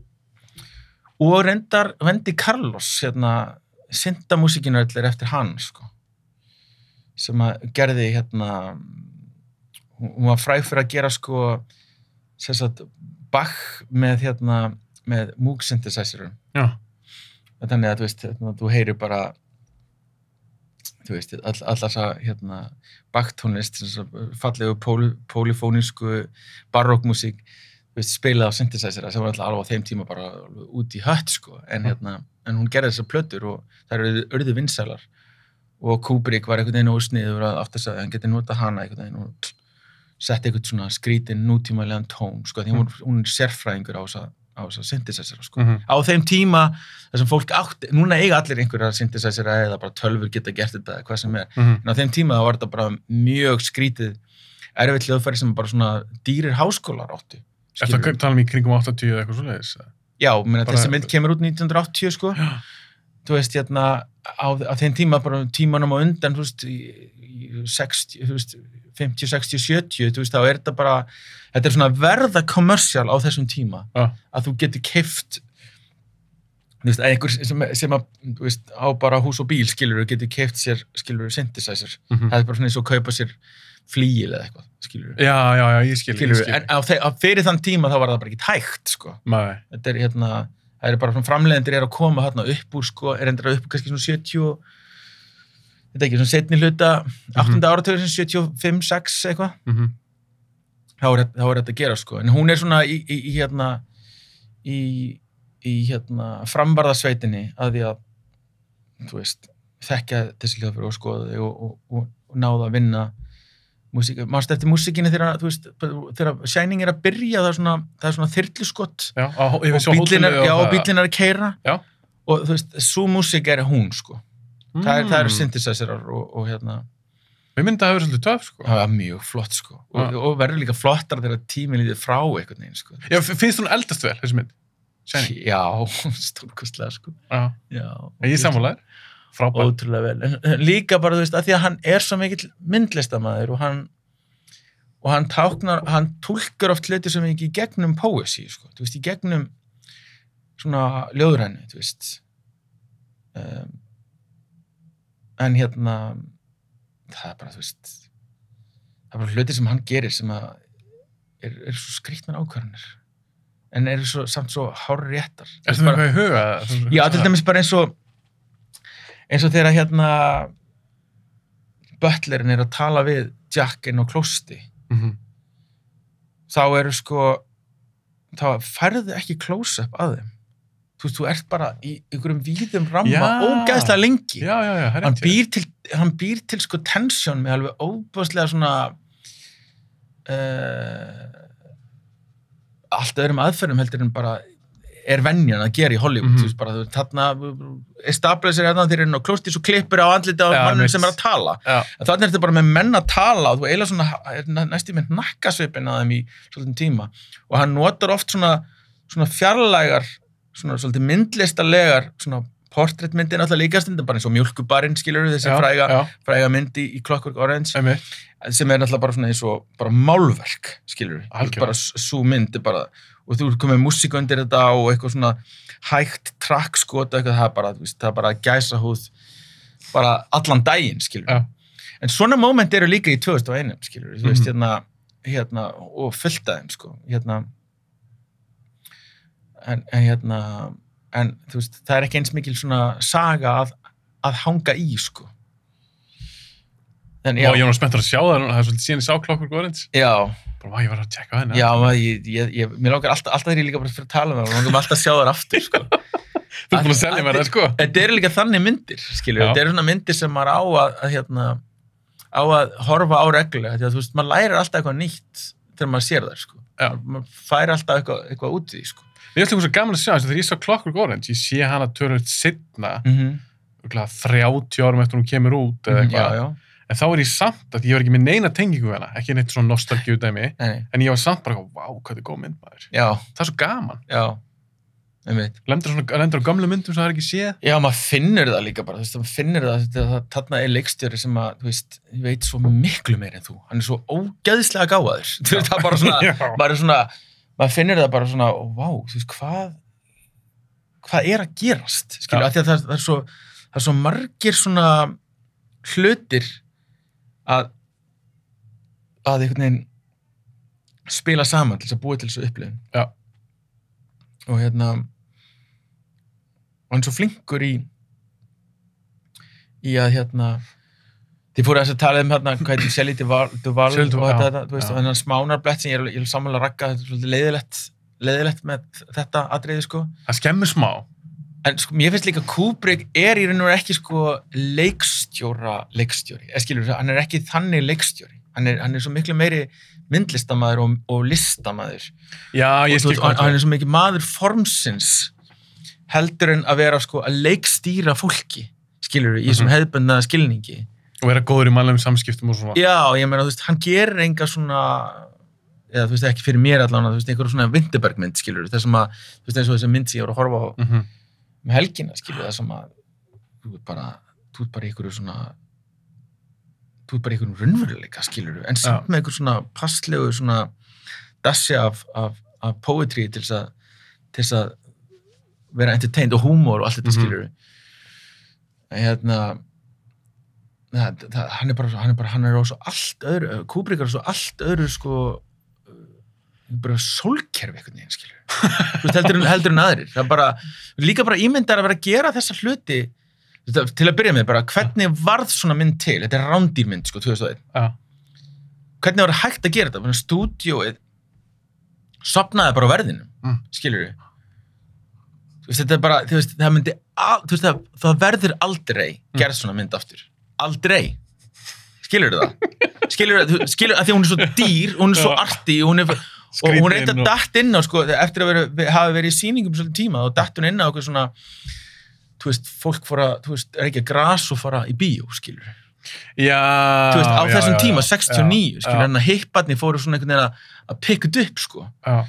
en þú veist, en fram að því þú veist og, og bara ákvörðunin að gera svona mynd þú veist, bara það hefur enginn lesið handrit eða neitt skiljið mér, veist, það bara það er bara að, að því að maður búin að gera einhverjar hvað heitir, Dr. Strangelove að, að því að maður búin að gera einhverjum svo successful myndir á undan skilur að, að, hérna, að þá bara, já, þú veist, hann áttur að retta þessu eitthvað skilur, ég er bara en ég er svona svo þakklátið fyrir það, sko, þú veist, bara að kannski getum við gert svona þú veist, í áttina að svona mynd þú veist, með nútíma tölvutekni, sko Meina bara með tölu brellum og eitthvað svona. Já, eða bara, þú veist, að því að við eigum bara, þú veist, ódýrar kamerur sem taka upp í góðum gæðum, þú veist, við erum með tölfur sem getum klift sjálf og, og einmitt við getum gert örgulega kannski, í framtíðinu verður örgulega bara hægt að gera CGI sjálfur, einhvern veginn, þú veist, bara með einhverju svona object, þú veist, Já, þú meina, based forritum þú, meina þú getur experimentað á ódýran hátt í dag. Þannig það. já, ég meina, þú veist, þú, hérna, þú getur bara gert, ég held að Winterberg með þess að gerði einhverja bíómynd á, nei, hver var það, Só- Soderbergh? Að gera á iPhone. á iPhone þú veist, bara, bara til að tjekka hvort það er hægt sko. Sem er ég er ekki búin að crazy. sjá þessa mynd Ekki ég heldur. mér langar að sjá hana sko. ég er spenntur Það hljómar áhuga. ég hefði samt, samt viljað að bara einhver, einhver pöngari myndi gera það, þú veist, einhver bara svona einhver ungur Harmony Korine myndi gera það sko. Já, bara eitthvað svona nobody bara... Já. þú, veist, ef, þú veist, ég er að býða eftir að það gerist það, það á eftir að gerast að einhver svona krakki þú veist svona, á einhver á bylunum svona 18 til 22 ára Já. á eftir að gera eitthvað svona stórkostlegt kvikmyndaverk Eitthvað svona 2001 dæmi. Nei, ekki 2001 dæmi, eitthvað svona eitthvað svona sem að hún, þetta er verður örgulega stelpa Mm. eitthvað sem að hún er búin að fatta, skilur við, að það er hægt að gera með miðlunum sem hún er með, þú veist bara ég er bara með hérna, MacBook Pro og iPhone og svo í þessa vini og eitthvað skilur, hún á eftir að þú veist, það, er. Þetta á eftir að gera sko það á eftir að koma eitthvað svona, svona, svona, svona næsta svona harmony Korine eitthvað svona svona típa, skilur eitthvað svona eitthvað svona, og, og svona hörð myndlista orka, skilur Já, já, já, ég skilur eins, eins, eins, og, eins og Gummo eða, það. eða hérna hvað heitir hún síðasta myndin hans þarna? hún var líka mjög hörð myndlista orka mjög gáðan að horfa hana, veist, hún, Eftir Harmony. já, þarna með stelpunna með skíða Spring Breakers. já, einmitt, svona, þú veist svoleiðis, svoleiðis orka, Mhm. skilur sem er svolítið svona kúbrísk orka Mhm.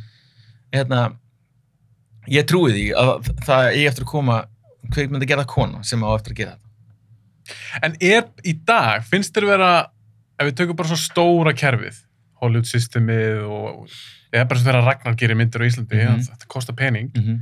er pláss fyrir svona fólk í þessum heimi? Eða verður þetta að vera bara... það gerir bara, það gerir sér bara ploss eins og allir Ah. listamenn í gegnum tíðina veist, það verður bara veist, það, á enginn eftir að geta sagt nei við hana. Þú veist, að því að hún á bara eftir að hafa gert þetta sjálf. Þetta verður bara svona DIY dæmi, Mm, skilur já, já, já, ég skilur og hún á bara eftir að hún á bara eftir, og hún á eftir að rocka öll filmfestivalin með þetta við, hún á bara eftir að túra bara með myndina, bara eins og, eins og fólk er að gera algjörlega, algjörlega. Bara eins og, þú veist, ég er búin að vera að vinna með Ninnu Pálma. Mm. þú veist, hún er bara búin að vera að fara festival með stuttmyndina sínar sem hún bara býti sjálf veist, ég held að þú veist, það á eftir að, það að koma svona feature, skilur, svona Mhm. stór mynd sem verður svona, sem að enginn áttur að hafa vita vita að það væri verið að gera skilur, Já, ég eftir að koma svona out of the blue. Er það Skilurðu? sjá það fyrir bara næstu 20 árin eða? ég er bara svona næstu fimm árin sko. Þú þú ert að segja það? Já. Ég er bara að býða eftir þessu. Ég bara, ég bara, ég, ég, ég, er, ég, veit þetta aftur að gerast og, og, og, og við höfum eftir að læra svo mikið af þessu, sko. Hún eftir að gera eitthvað stórkostlegt, sko. En er þetta ekki, þú veist að tala um bíómynd, að þessi Mhm. manneski myndi gera bíómynd. Mm -hmm. En þessi dag, er þetta ekki svolítið mikið búið að færast yfir í sjónvar? Er þetta ekki sjónvar bara Jú. vinsatlega fólki? Jú, þess, og... þess heldur, sko, ég heldur, sko, bíómyndaformatið á ekki eftir að deyja Mm. og kannski á það eftir að færast bara meira yfir í arthásinnum, skilur við, bara eins og það, eins og það hefur alltaf svolítið verið. Þú veist, það er ennþá verið að semja sinfonísk verk og það er ennþá verið að mála málverk með ólíulitum, mm. -hmm. skilur við. Þú veist, það, formatið á ekki eftir að deyja, skilur við.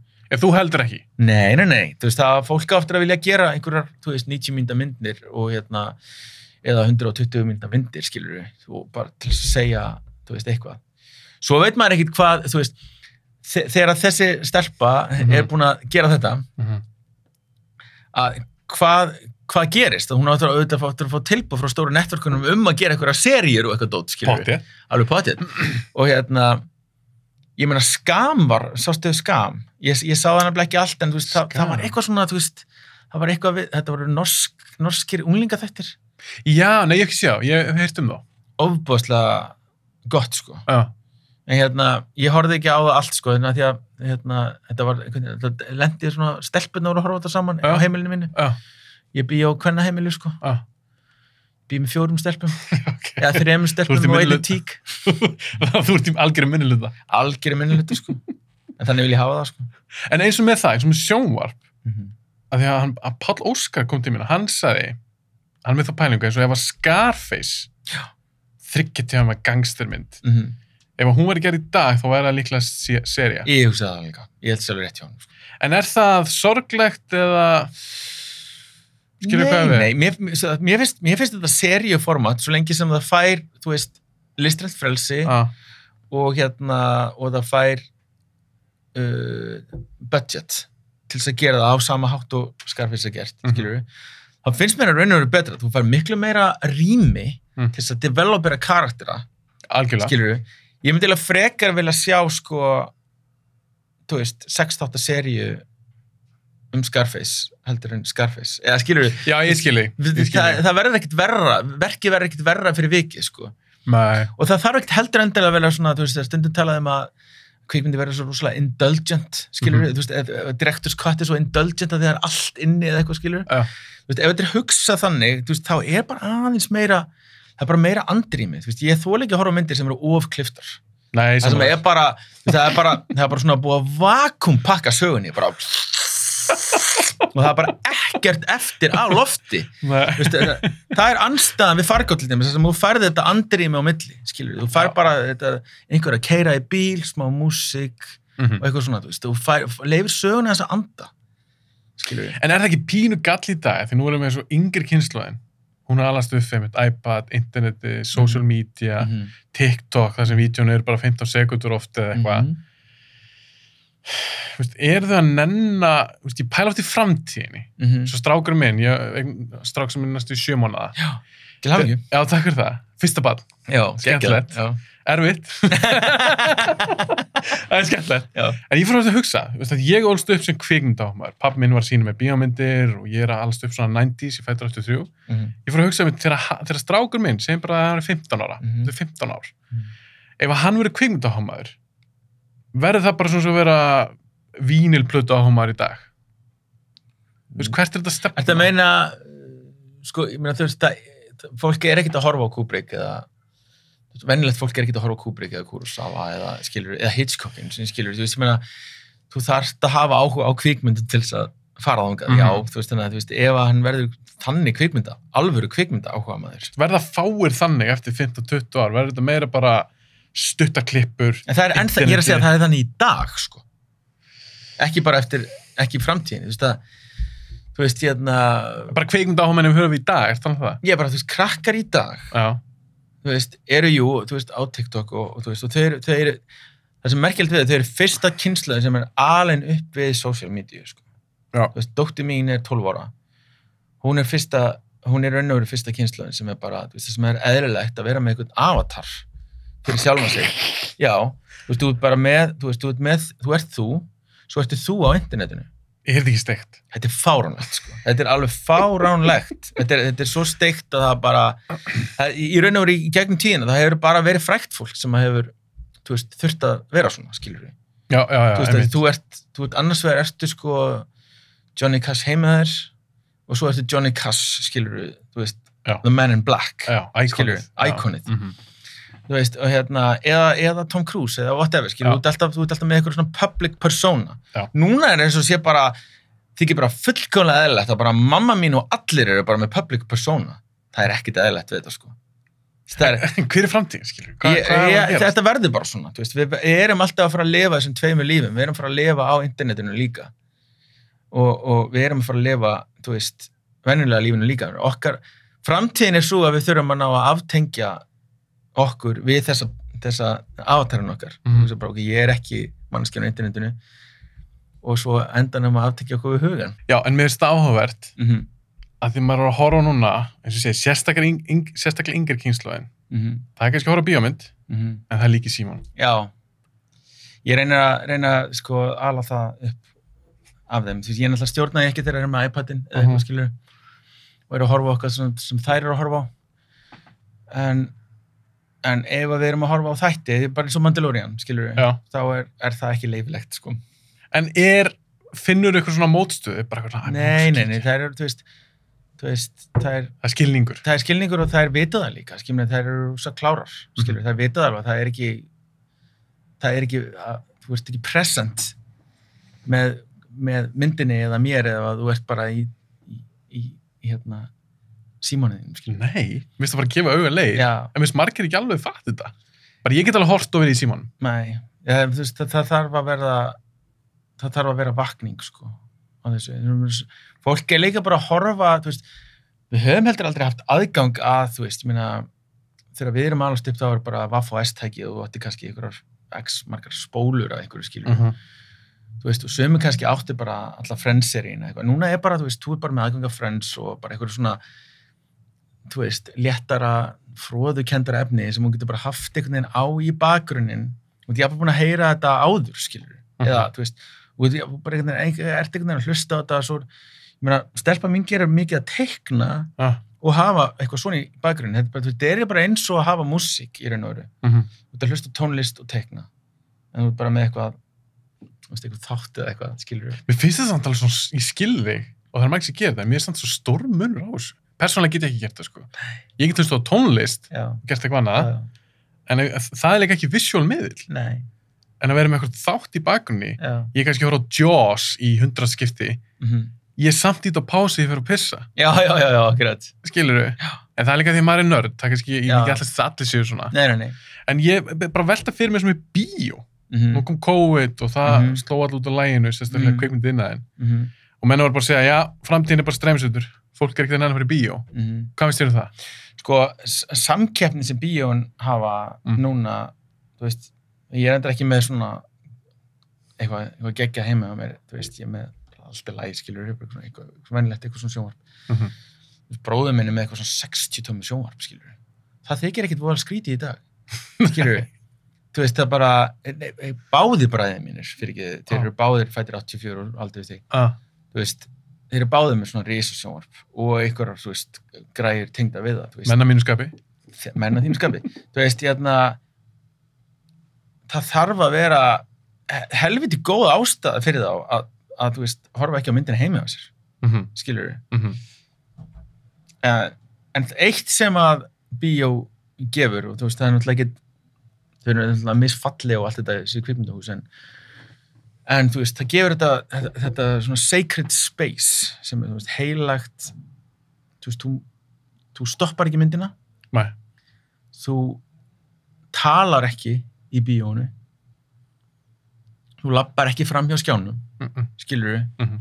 allt, allt svona áreiti sem að getur átt sér stað heima þeir, skilur símiðin ringir ekki skilur hann kannski ringir en þú veist þá er allir bara Já, skilur já þótt ekki svari hann. Já, fáið þú að gera það sko Hvað fátu ekki? algjör fáið þú að gera það hérna, þannig að þú veist þetta er svona svo kirkja, skilur Já. leikhús, bíó og svona þetta, þetta þú færð, þú kaupið inn á heilega stund með, með kvikmyndinni þinni Mm -hmm. og ég vona að við þú veist, ef, ef að COVID-guðin leifir, skilur Mm -hmm.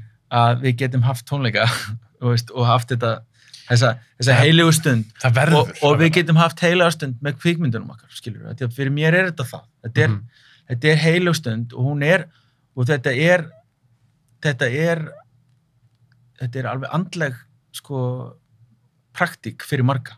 Finnst þér sérst gaman að fara í bíó? já, mjög, ég elska að vera í bíó. Já, þú myndir ekki ekki missa það. mikið sko. En þú myndir ekki vilja missa það? nei, alls ekki sko. Og mér finnst mjög gaman að sjá svona stórmyndir í bíó sko. Mm þú veist, ég bara hérna, mér finnst mjög gaman að sjá ég fór á Black Widow sko Ok. með, með stelpunum minni og hérna Hvað finnst þetta um Marvel dót? Hvernig fýlar það? það er sko, Ekki fyrir þig tengda svona minn er hann er ekki gladur í að segja að það sé ekki gott skilur, þú veist, það, en það er ekki gott en hérna um, en það er sömt sem er gott skilur, þú veist, það er bara hvað heitir, hérna origin sagan á honum, hérna, Úlfakallinum Logan, Uh, já, Lo- Logan. Já, það var fín mynd Já, já, já, einmitt, einmitt, einmitt. þú veist, og hérna Marvel er, þú veist, hérna ég elskaði hérna Batman myndina en hún er ekki Marvel, hún er DC Nei. Að þetta er rosa stórt batteri og pæla eitthvað, hver er þín skoðun á þessu? ég er alveg samla á rakka að alveg komið nóa þessu skilur þú veist, þú þarft ekki Spider-Man 6. og ég tala nú ekki um þú ert með eitthvað svona ég hef aldrei tengt við eitthvað Transformers eða eitthvað skilur, þú veist Mhm. bara hvernig á maður að, þú veist, tengja við þetta eitthvað vélmjanna kalla sem breytir sér í, í bíla og gameskip eða eitthvað, þess ég er bara svona þú það er aðeins svo mikið, skilur fyrir mig Þú en, en ég, er, ég er rosalega mikið fyrir alls konar sko fantasídót og svona, af því að Mhm. ég get séð metafórin, þú veist, ég eða ég finn hana, skilur þú veist, Mhm. þú horfur á vampýrmyndir, þú veist, maður finnur af hverju, þú veist, maður finnur hvað þetta er, Mm -hmm. Finnur hvað bjó til þessar sögur fyrst, skilur Mhm. og fyrsta svona bíó ásti mín var, hérna, Dracula Eftir, eftir Coppola? já, Já, ok. og, og, og, það, og líka bíó tónlistarást, sko Ah. Ja, það er brjáluð tónlist. ógeðslega flott, sko, í Það er bara jál tónlistinni. og, þú veist, og það er romantíst og það er, Mhm. það er, það er reynda melodíst en það er samt einhvern veginn um, að því að þetta er romantísk mynd Hún er nefnilega romantísk. þetta, þetta, þetta er mynd um ást Já. þetta er ástarmynd þá, þú veist, þá er hún þú veist, þá er hún með þetta, þetta svona romantíska og svona ógvægilega, Mm -hmm. þú veist, þetta er eiginlega svona einhver djöfull sem verður ástfangin, skilur þú veist. En svo er líka svo, það er svo falleg saga, þú veist, á Mhm. bakveðan, af hverju hann verður það sem hann er og, og allt þetta. og svo finnst þú vannmetin. Stórkostlegi búningarinn, sko. þú veist, það eru geðveiki búningarinn. Tjúfið er hann fucking skrítin. Skilur þegar hann er í hérna japanska kjólnum. Já, og, rauða. Hérna, já, Já. og þegar hann er orðin gamall og, hérna, og með snúðana. Mm -hmm. Þú veist, þetta er bara, Geggjalo. þetta er geggið, þetta er bara svona Lady Gaga er bara að horfa pop núna og horfa á þetta. þú veist, hún er bara, þú veist, Líka því hann, þetta er svo, lang, þetta er svo kjóllið mitt og hann er langur, það Já, og svo síður, sko. gerir hann eitthvað svona, þú veist, úr því líka, hann vinnur einhvern veginn með, með svona gamaldags kvikmyndateknikar með tíma og eitthvað svona, hvernig svona hlutir Já, já, já, einmitt, já, já, já, já, ferðast hratt og hvernig rottirnar labba á kvolfi Já, og svona. já. Ég átti þessa á einhverju svona, þú veist, vaff og essi og þú veist, þegar ég var svona unglingur, skilur Já. þá, og ég var svona svolítið svona, þú veist, ég var í dauðarokki og svona, ég var í svona dark shiti, sko. Þú tengdu þessu mynd á. Þetta tengdi alveg bara alla leið, sko. En svo hryllismyndir yfir höfuð. Ég er mjög lítið, sko. Þú ert ekki fyrir þær. Nei, mér finnst ég bara thrillerar, ég fíla thrillerar sko Mhm. og hérna Raggi heldur hann sé alveg ósámanlega mér en, en þú veist, hann veit bara ekki alveg hvað thriller er sko. Ég heldur Shining er meiri thriller en horror eiginlega sko. Já, já, þið finnst það. Já. Já. Þú veist, hérna Ice White Shut er definitely thriller. Já. En það er alltaf ekki horror. Nei. Ég er alltaf að lita á hana sem dramamynd. Alltaf drami öllu. Mér finnst þú að vera thriller. Já. Þú veist, eða eitthvað, þú veist, bara, þetta, er- þetta, er- þú veist, það er ógnanna, sko. Klokkur góðnit, thriller. Hún er ekki horror. Nei, ég, ég myndi ekki kalla það horrormynd. Já, ekki sem er svona thriller. En og Seven, myndur þú kalla það thri- thriller? Er það ekki? Persónan myndi ekki gera. Já, Frekan horror. já. Þó þessi ógæslega dót í henni. En hvað er horror? Þú veist, hvað er, hérna, hérna, Exorcist, það er náttúrulega horror. Já, ég myndi kalla það horror. Mm. Hellraiser er horror. Já, ég hef ekki, ekki hort á það, sko. Með naglan í hausnum. Já, einmitt. ég bara, þú ég næ ekki alveg, ég næ ekki alveg tengingunni við það, sko. Ég held að sé bara einhvern veginn, eða þú veist, þeir eru eitthvað svona bara vond til þess að vera vond. Ég, ég þarf einhvern veginn trúa á vondakallin. Já, ég skil þig. Þetta er kannski bara aldrei svona að heilla þig. Þetta horror genre. En eins og Hereditary, hefur séð hana? Hún er nýleg. Það er horror en samt rosa drama líka. Mm. Ég meina, hann, uh, Raggi talaði um we need to talk about Kevin, Já. skilur þú veist, það er, það er einhvers konar horror. Þú hefur séð hana? Já, þú veist, ég, ég veit ekki hvort ég geti hort á hana aftur. Það er um mynd. En nú langar mig að sjá hana aftur, sko. Þú veist, ég er rosalegur, eins og hann, sko, ég er Lin, hérna Ramsey aðdáðandi, mér finnst Mm. hún vera stórkostleg. Talandi um músík og að vinna úr músík Mm. Og hljóði, þú veist, að bara, hún er mistar í því, sko. Hún er algjör mistari.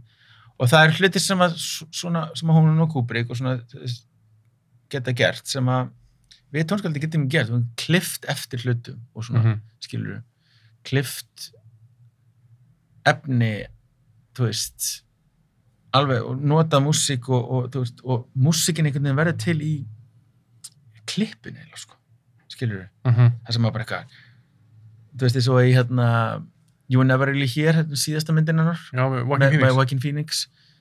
Sem er svona eina mínum mínum uppbólsmyndum Bara allar tíma. já, þú veist, mér sem geðvik sko.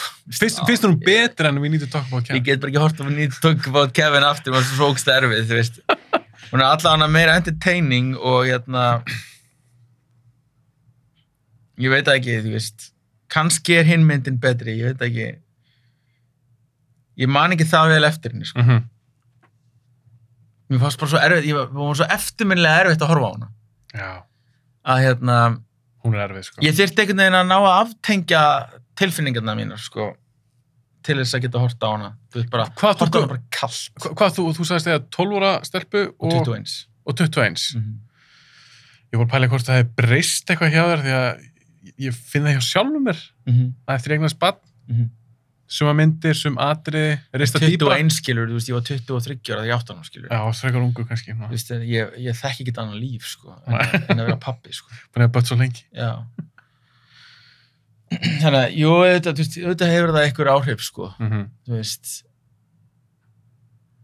ég að þetta var bara þetta er náttúrulega bara einhver horror skilur að horfa á batn vera svona vond Já, líka svona móður sem að hún einhvern veginn næri ekki alveg að elska barnið sitt eins og hún hefði viljað, sko. Nei, menn það er fyrir sér mynd. þetta er ókislega mynd Þetta er rosalega, hún er þungu átakanleg. Hún er rosalega góð. Já. Ég verði aðeins að spyrja út í eitt og Já. það er í samband við, við tölum aðeins um Star Wars og svona gömul stef, fræg stef, fræg svona kveikmyndu tónlist, Star Wars lögin eða Mm. Back to the Future eða Jaws eða eitthvað. þetta er ekki allt John Williams eða? Ég hef mikið af þessu. Nei, Alan Silvestri gerir fyrir Back to the Future. ok, Uh, Jurassic Park, held að það sé John John Williams. Williams Erum við að fá svona í dag? Svona eftirminnileg, svona kvikmynda stef í stórmyndum. ekki beint sko, að því því að það er ekki alveg þú veist, það er ekki alveg pláss fyrir þetta að einhverju leiti eins mikið lengur sko.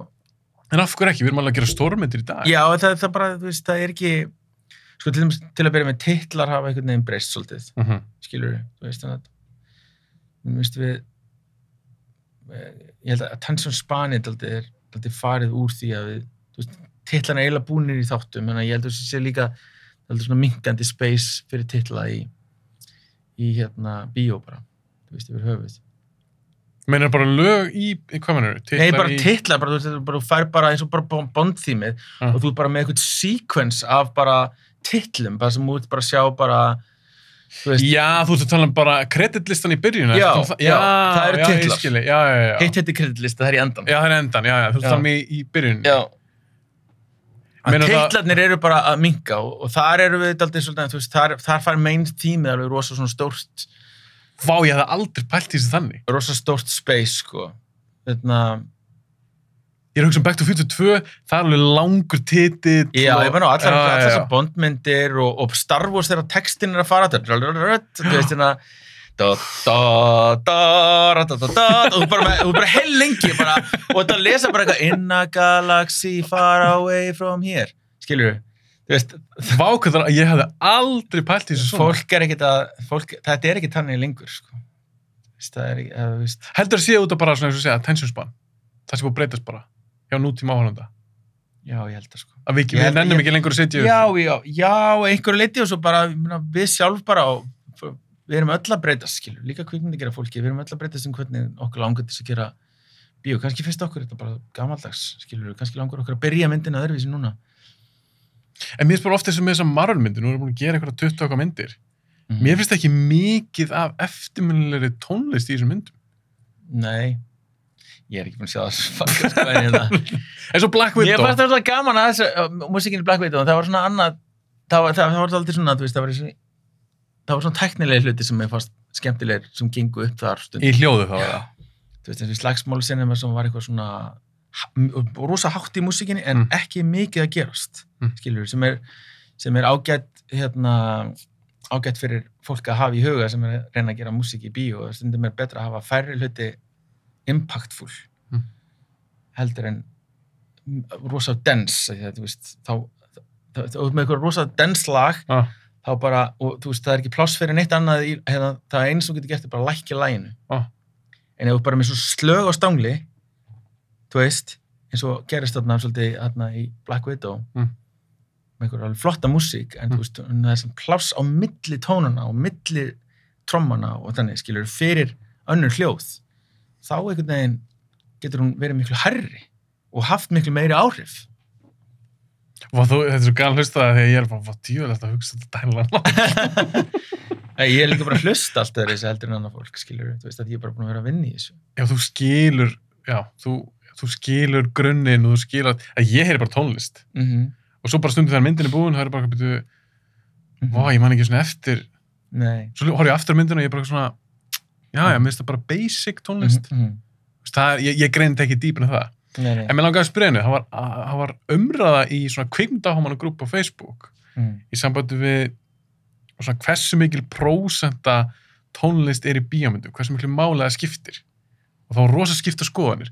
Sumir voru bara Hva, hversu miklu máli það skiptir fyrir í, myndina í sambandi við bíómyndir. hvort það hefur áhrif á myndina eða ekki En bara hversu miklu máli skiptir tónlist í sögðu, það er 50-50. Mér finnst tónlist að vera helmingur af myndinni. Mm. Hvað finnst þér um það?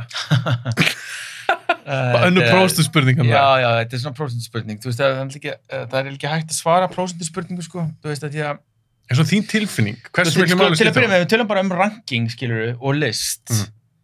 þú veist, hérna ég fylgist alveg stundum með hérna, besta platan eða eitthvað skilur Ja. hérna podcasti en ég er á mótið í að hugsa um bestu plötuna þú veist, þú veist af hverju. Af hverju, af hverju að segja bara, hvað er besta myndinans Kubrick Mhm.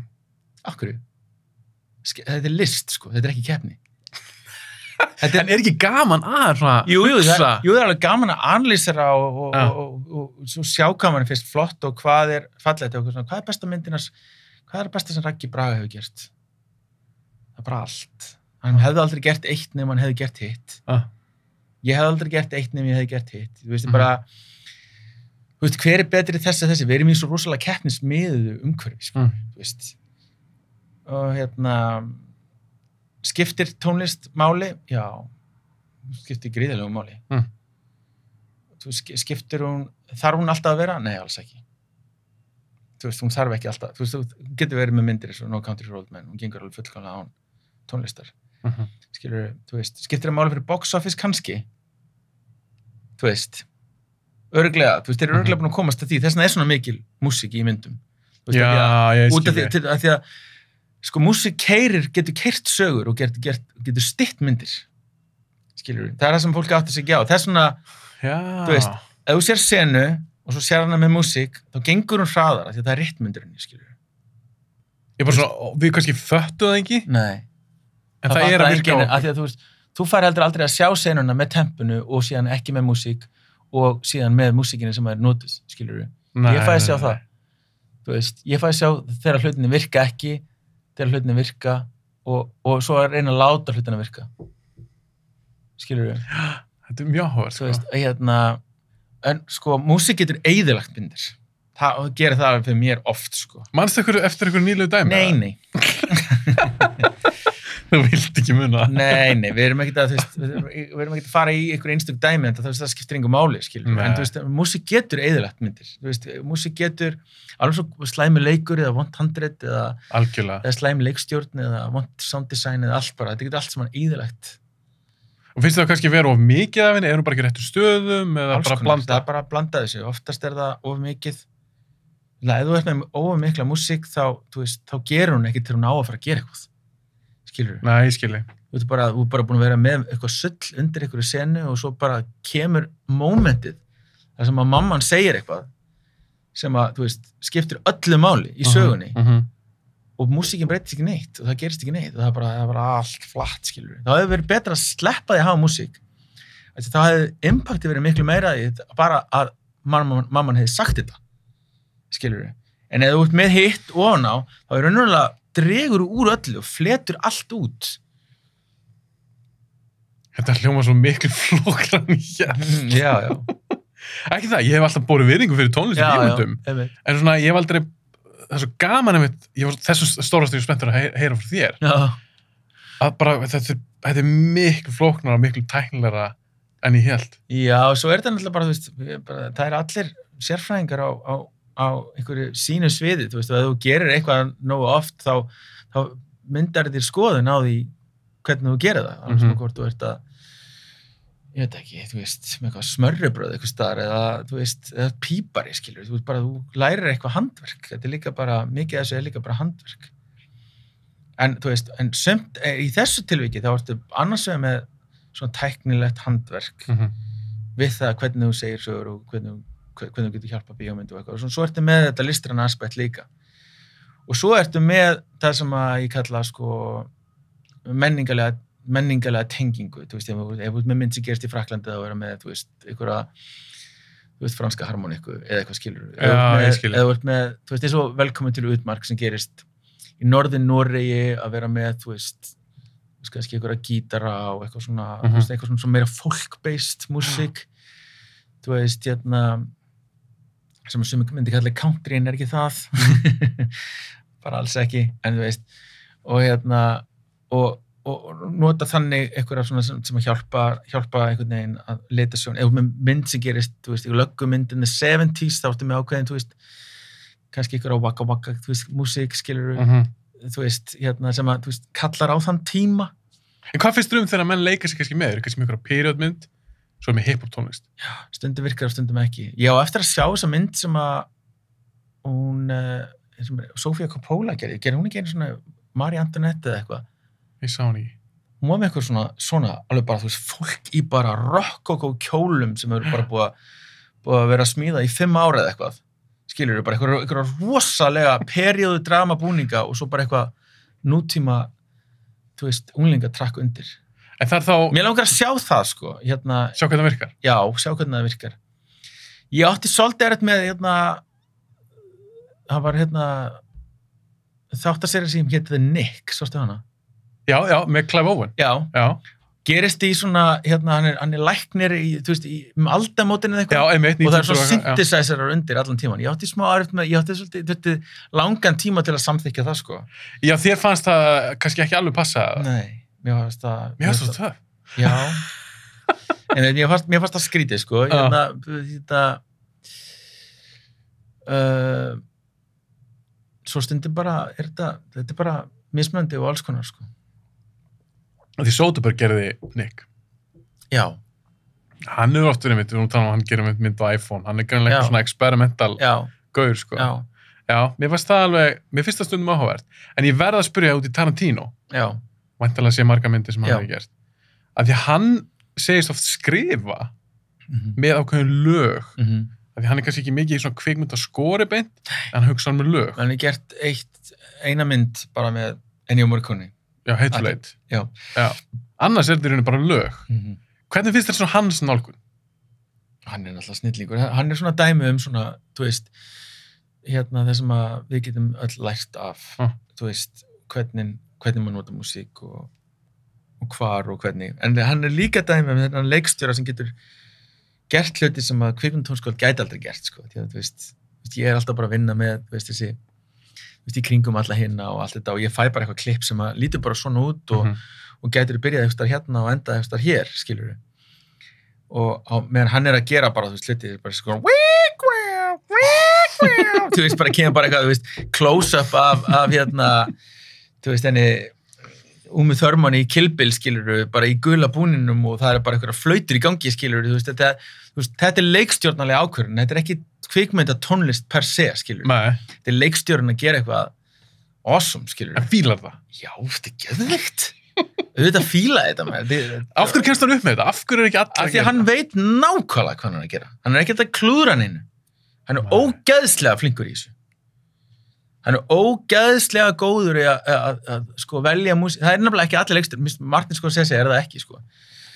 Veist, hann er snillingur í því, sko. En finnst þið sko sér ekki vera eins góður í eins og Nei, tala- minnst hann eiginlega til partet. með lögunum? Og músík, músíkin er, ég er ekki að horta hann í langan tíma, mér finnst hann ógeðslega góð þessi mynd. Ah. Ógeðslega vel leikinn. Þú veist, frábær saga. Var ég búinn að segja vel leikinn? Hún er ógeðslega vel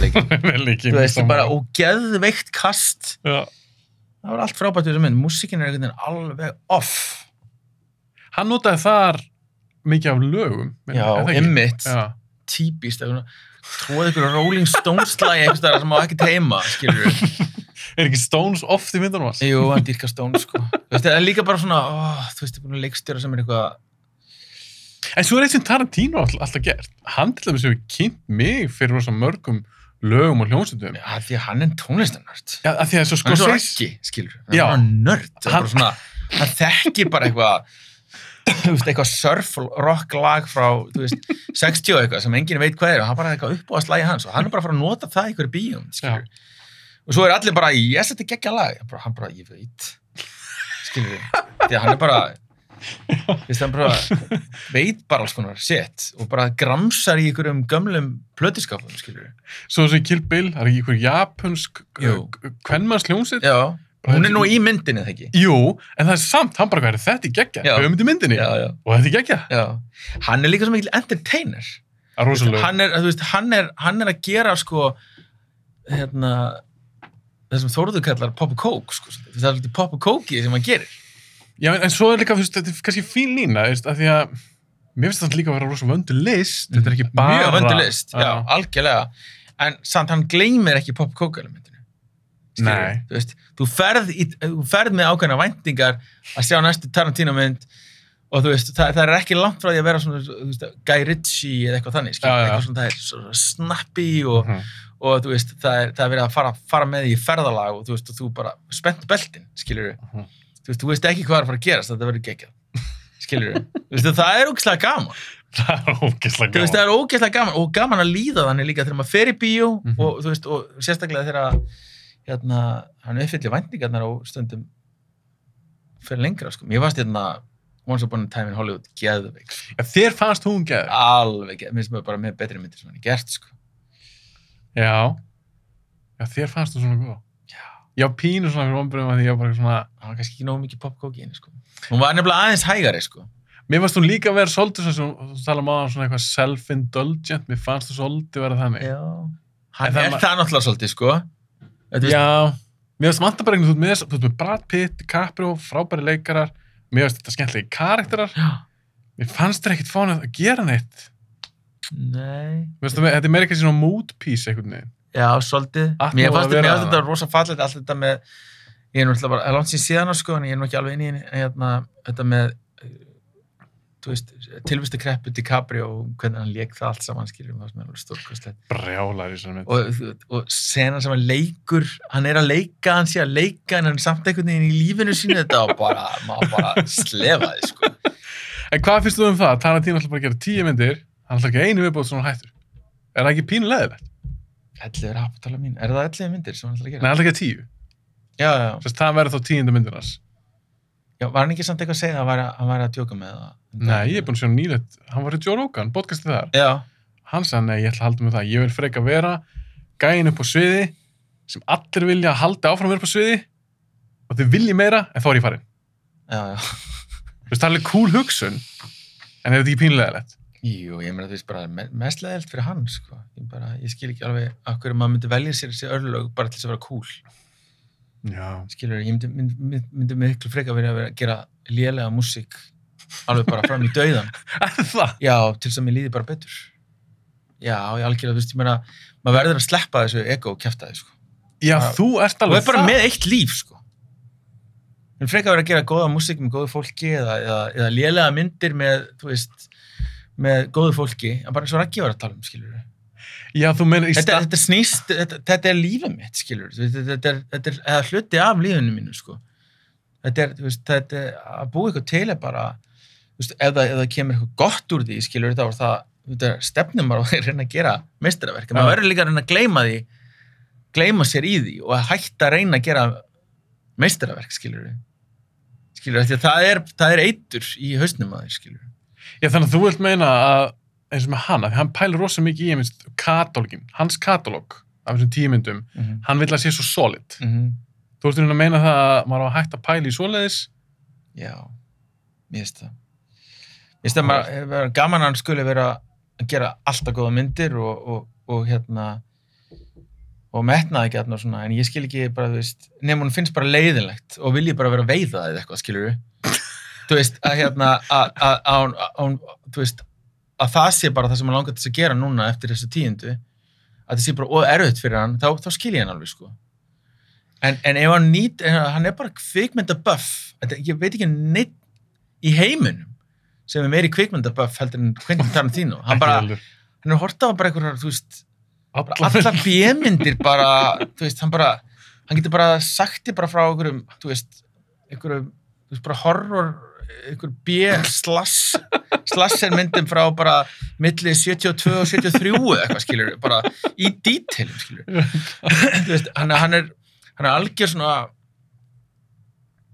þú veist, af hverju ætti svoleiðis maður ekki, sem er í þessari aðstöðu, hann er í Mhm. príma aðstöðu, þetta var þessi hvaða leikara sem er, tökum hann, þú veist, stúdíó, hann myndi allir bara leggja alltaf fótum hans. Mm. Akkur ætti hann að hætta þessu?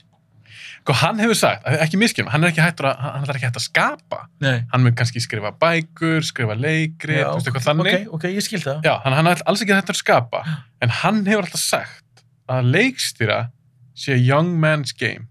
Hann er svo oft sé leikstýra þegar verða eldri, missa... Ég er alls ekki saman að því, sko. Þú ert ekki saman því? Nei, Nei.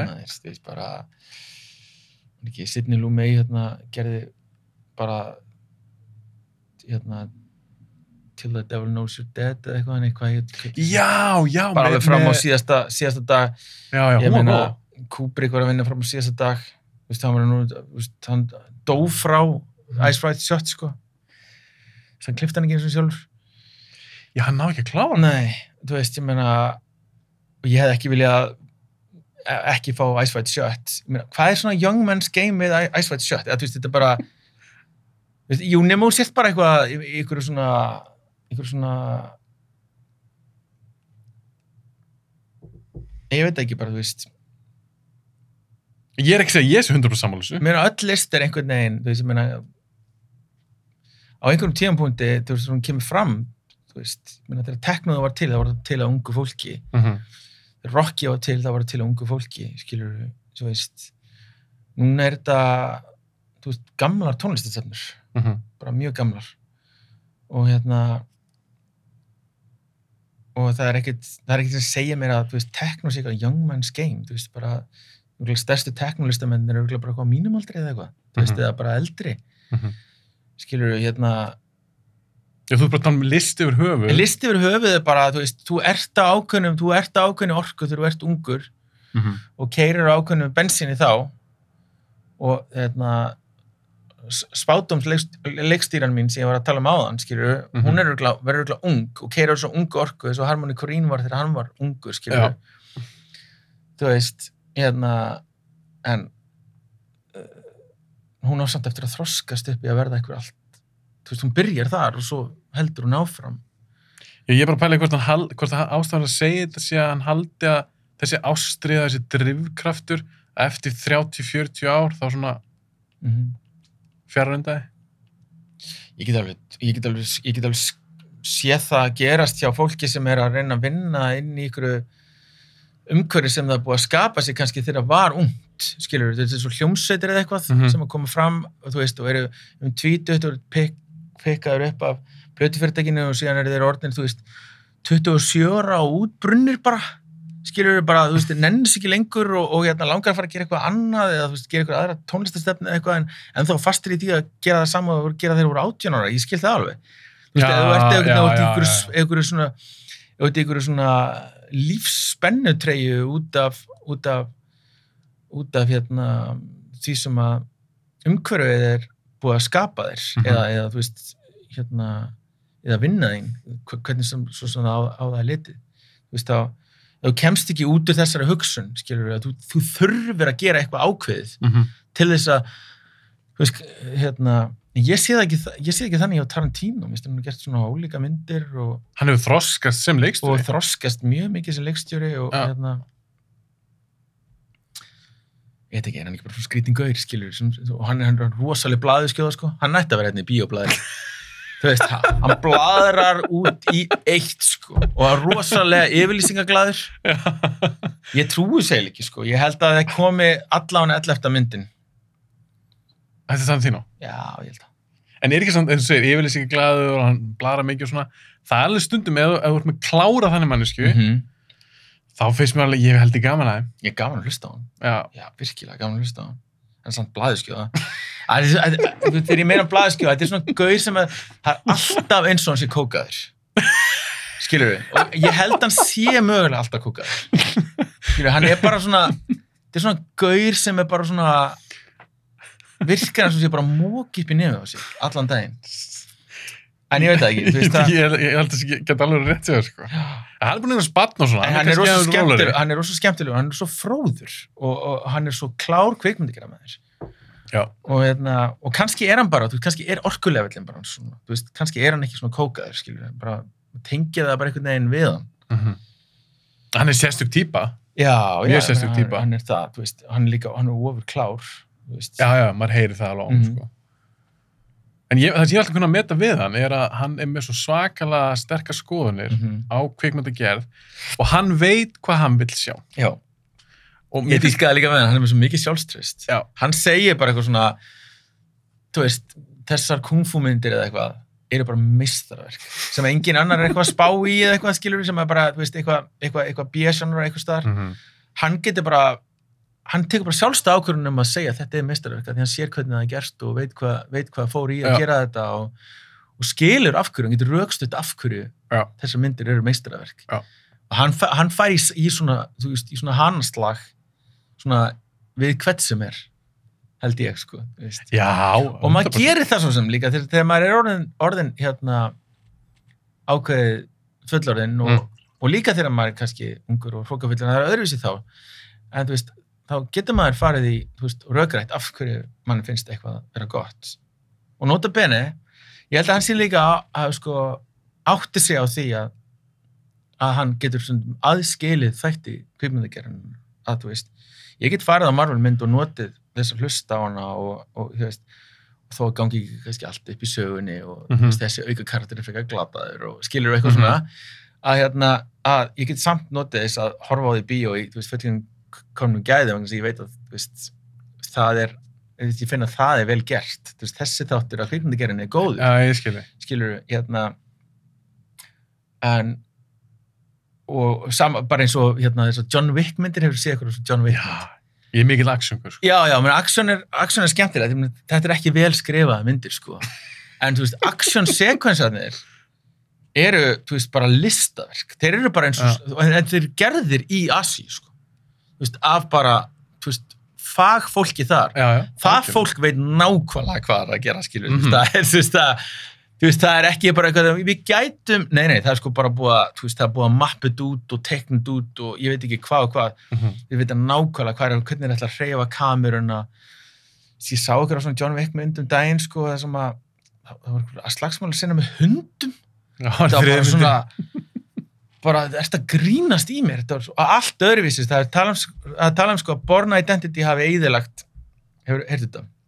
út af svona snöggum klippingum já, og snögglipum og close-upi. Já, hristamyndavel já, þú veist það, þú fær svona documentary hérna, feeling af actioni. John Wick er, er, er í þessu gamla gamla formati, þú veist, mm -hmm. ennþá með víða ramma, skilur við það þýðir það að menn þurfa bara að geta slegist. Þetta bara Keanu Reeves hann þarf bara að geta slegist, Já. skilur hann þarf bara að geta gert þetta þannig að þetta sé sannfærandi að þú getur ekki bara tekið eitthvað close-up og klift á höggið einhvern veginn og bara einhvern skó í andlitið og bara, wow, þetta var þú veist. Nei, þetta verður að lúka af því að hann er að taka Já. nokkrar hreyfingar já, í einni tökur. í einni tökku og þú veist, meina, hann er ekkit ungu maður hann er, hann er eldri við, sko. 55 ára eða eitthvað, sko. geggjaður, geggjaður formið, sko. En eins og bara fyrir því persónlega, þú veist að horfa á Hazard finnst þér ekki skemmtilega svona John Wick stílinn heldur en hristmyndavel og ég verð að segja það, sko. Ég, ég er nefnilega, ég er sjálfur sökkuð fyrir svona hasar Mm. og ég er ekki svo mikið fyrir samt, sko, slagsmála hlutan að því. Það er eitthvað annað sem keirir keirir áhugan hjá mér. Í Hazard, nei hvað mennur já, það er eitthvað svona það er eitthvað, það er, og það er sögulegt element sko, það er Ah. sögulegt dræf Ah. það er yfirleitt þegar það er eitthvað svona svona lóner Já. sástu þarna The Accountant. Já, mér fannst hún aðeinsleg mjög þú vannmetinn. já, mér fannst hún svo góð. Vegna þess að það er eftir með góða sögu og með Mhm. svona, þú veist, út með, með baksögu sem er skrítin. Já, ykkur kardir. og, og, og, og, og karakter sem er gengið gegnum einhverja mjög sérstaka æsku. Er ekki bara, þú veist, ekki bara hans í einhverju heldur er pappan sem er bara svona military kall og eitthvað svona, Mhm. þetta er svona Spider-Man origin saga, skilur þetta er bara svona, þetta er eitthvað svona mjög förðulegt sem að hann gengur í gegnum, Mhm. svo þú veist, er klifta á hann fullorðin þá er það bara svona þú veist, förðulegu gaur í allt og stórum jakkafutum og alveg glataður, skilur og þú vannmetur hann frá fyrstu skilur, allir vannmetur hann Já. það er svo fallegt af því að svo er hann bara einhver fucking kungfúmeistari bara Og sjúklega klár.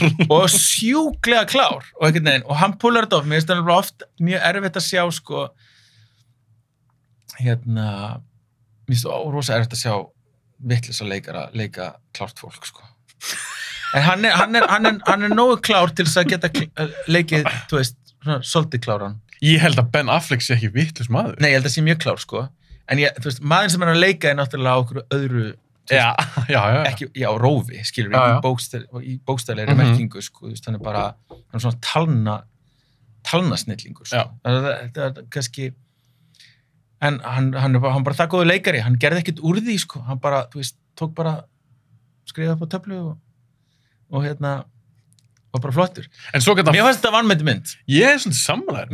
Hún ekki, mér fannst hún ekki, hérna, veist, ég er reyndar oft búin að reyna að taka eftir músikinni henni, þú veist, að hún er, reyndar, hún er mjög svona, þú veist, gerir, gerir lítið, veist, gerir það sem hún á að gera, en þú veist, hún, hún skilur lítið eftir sig, sko. Mm En Hazardin í þeirri myndilum meðis, þau eru töff.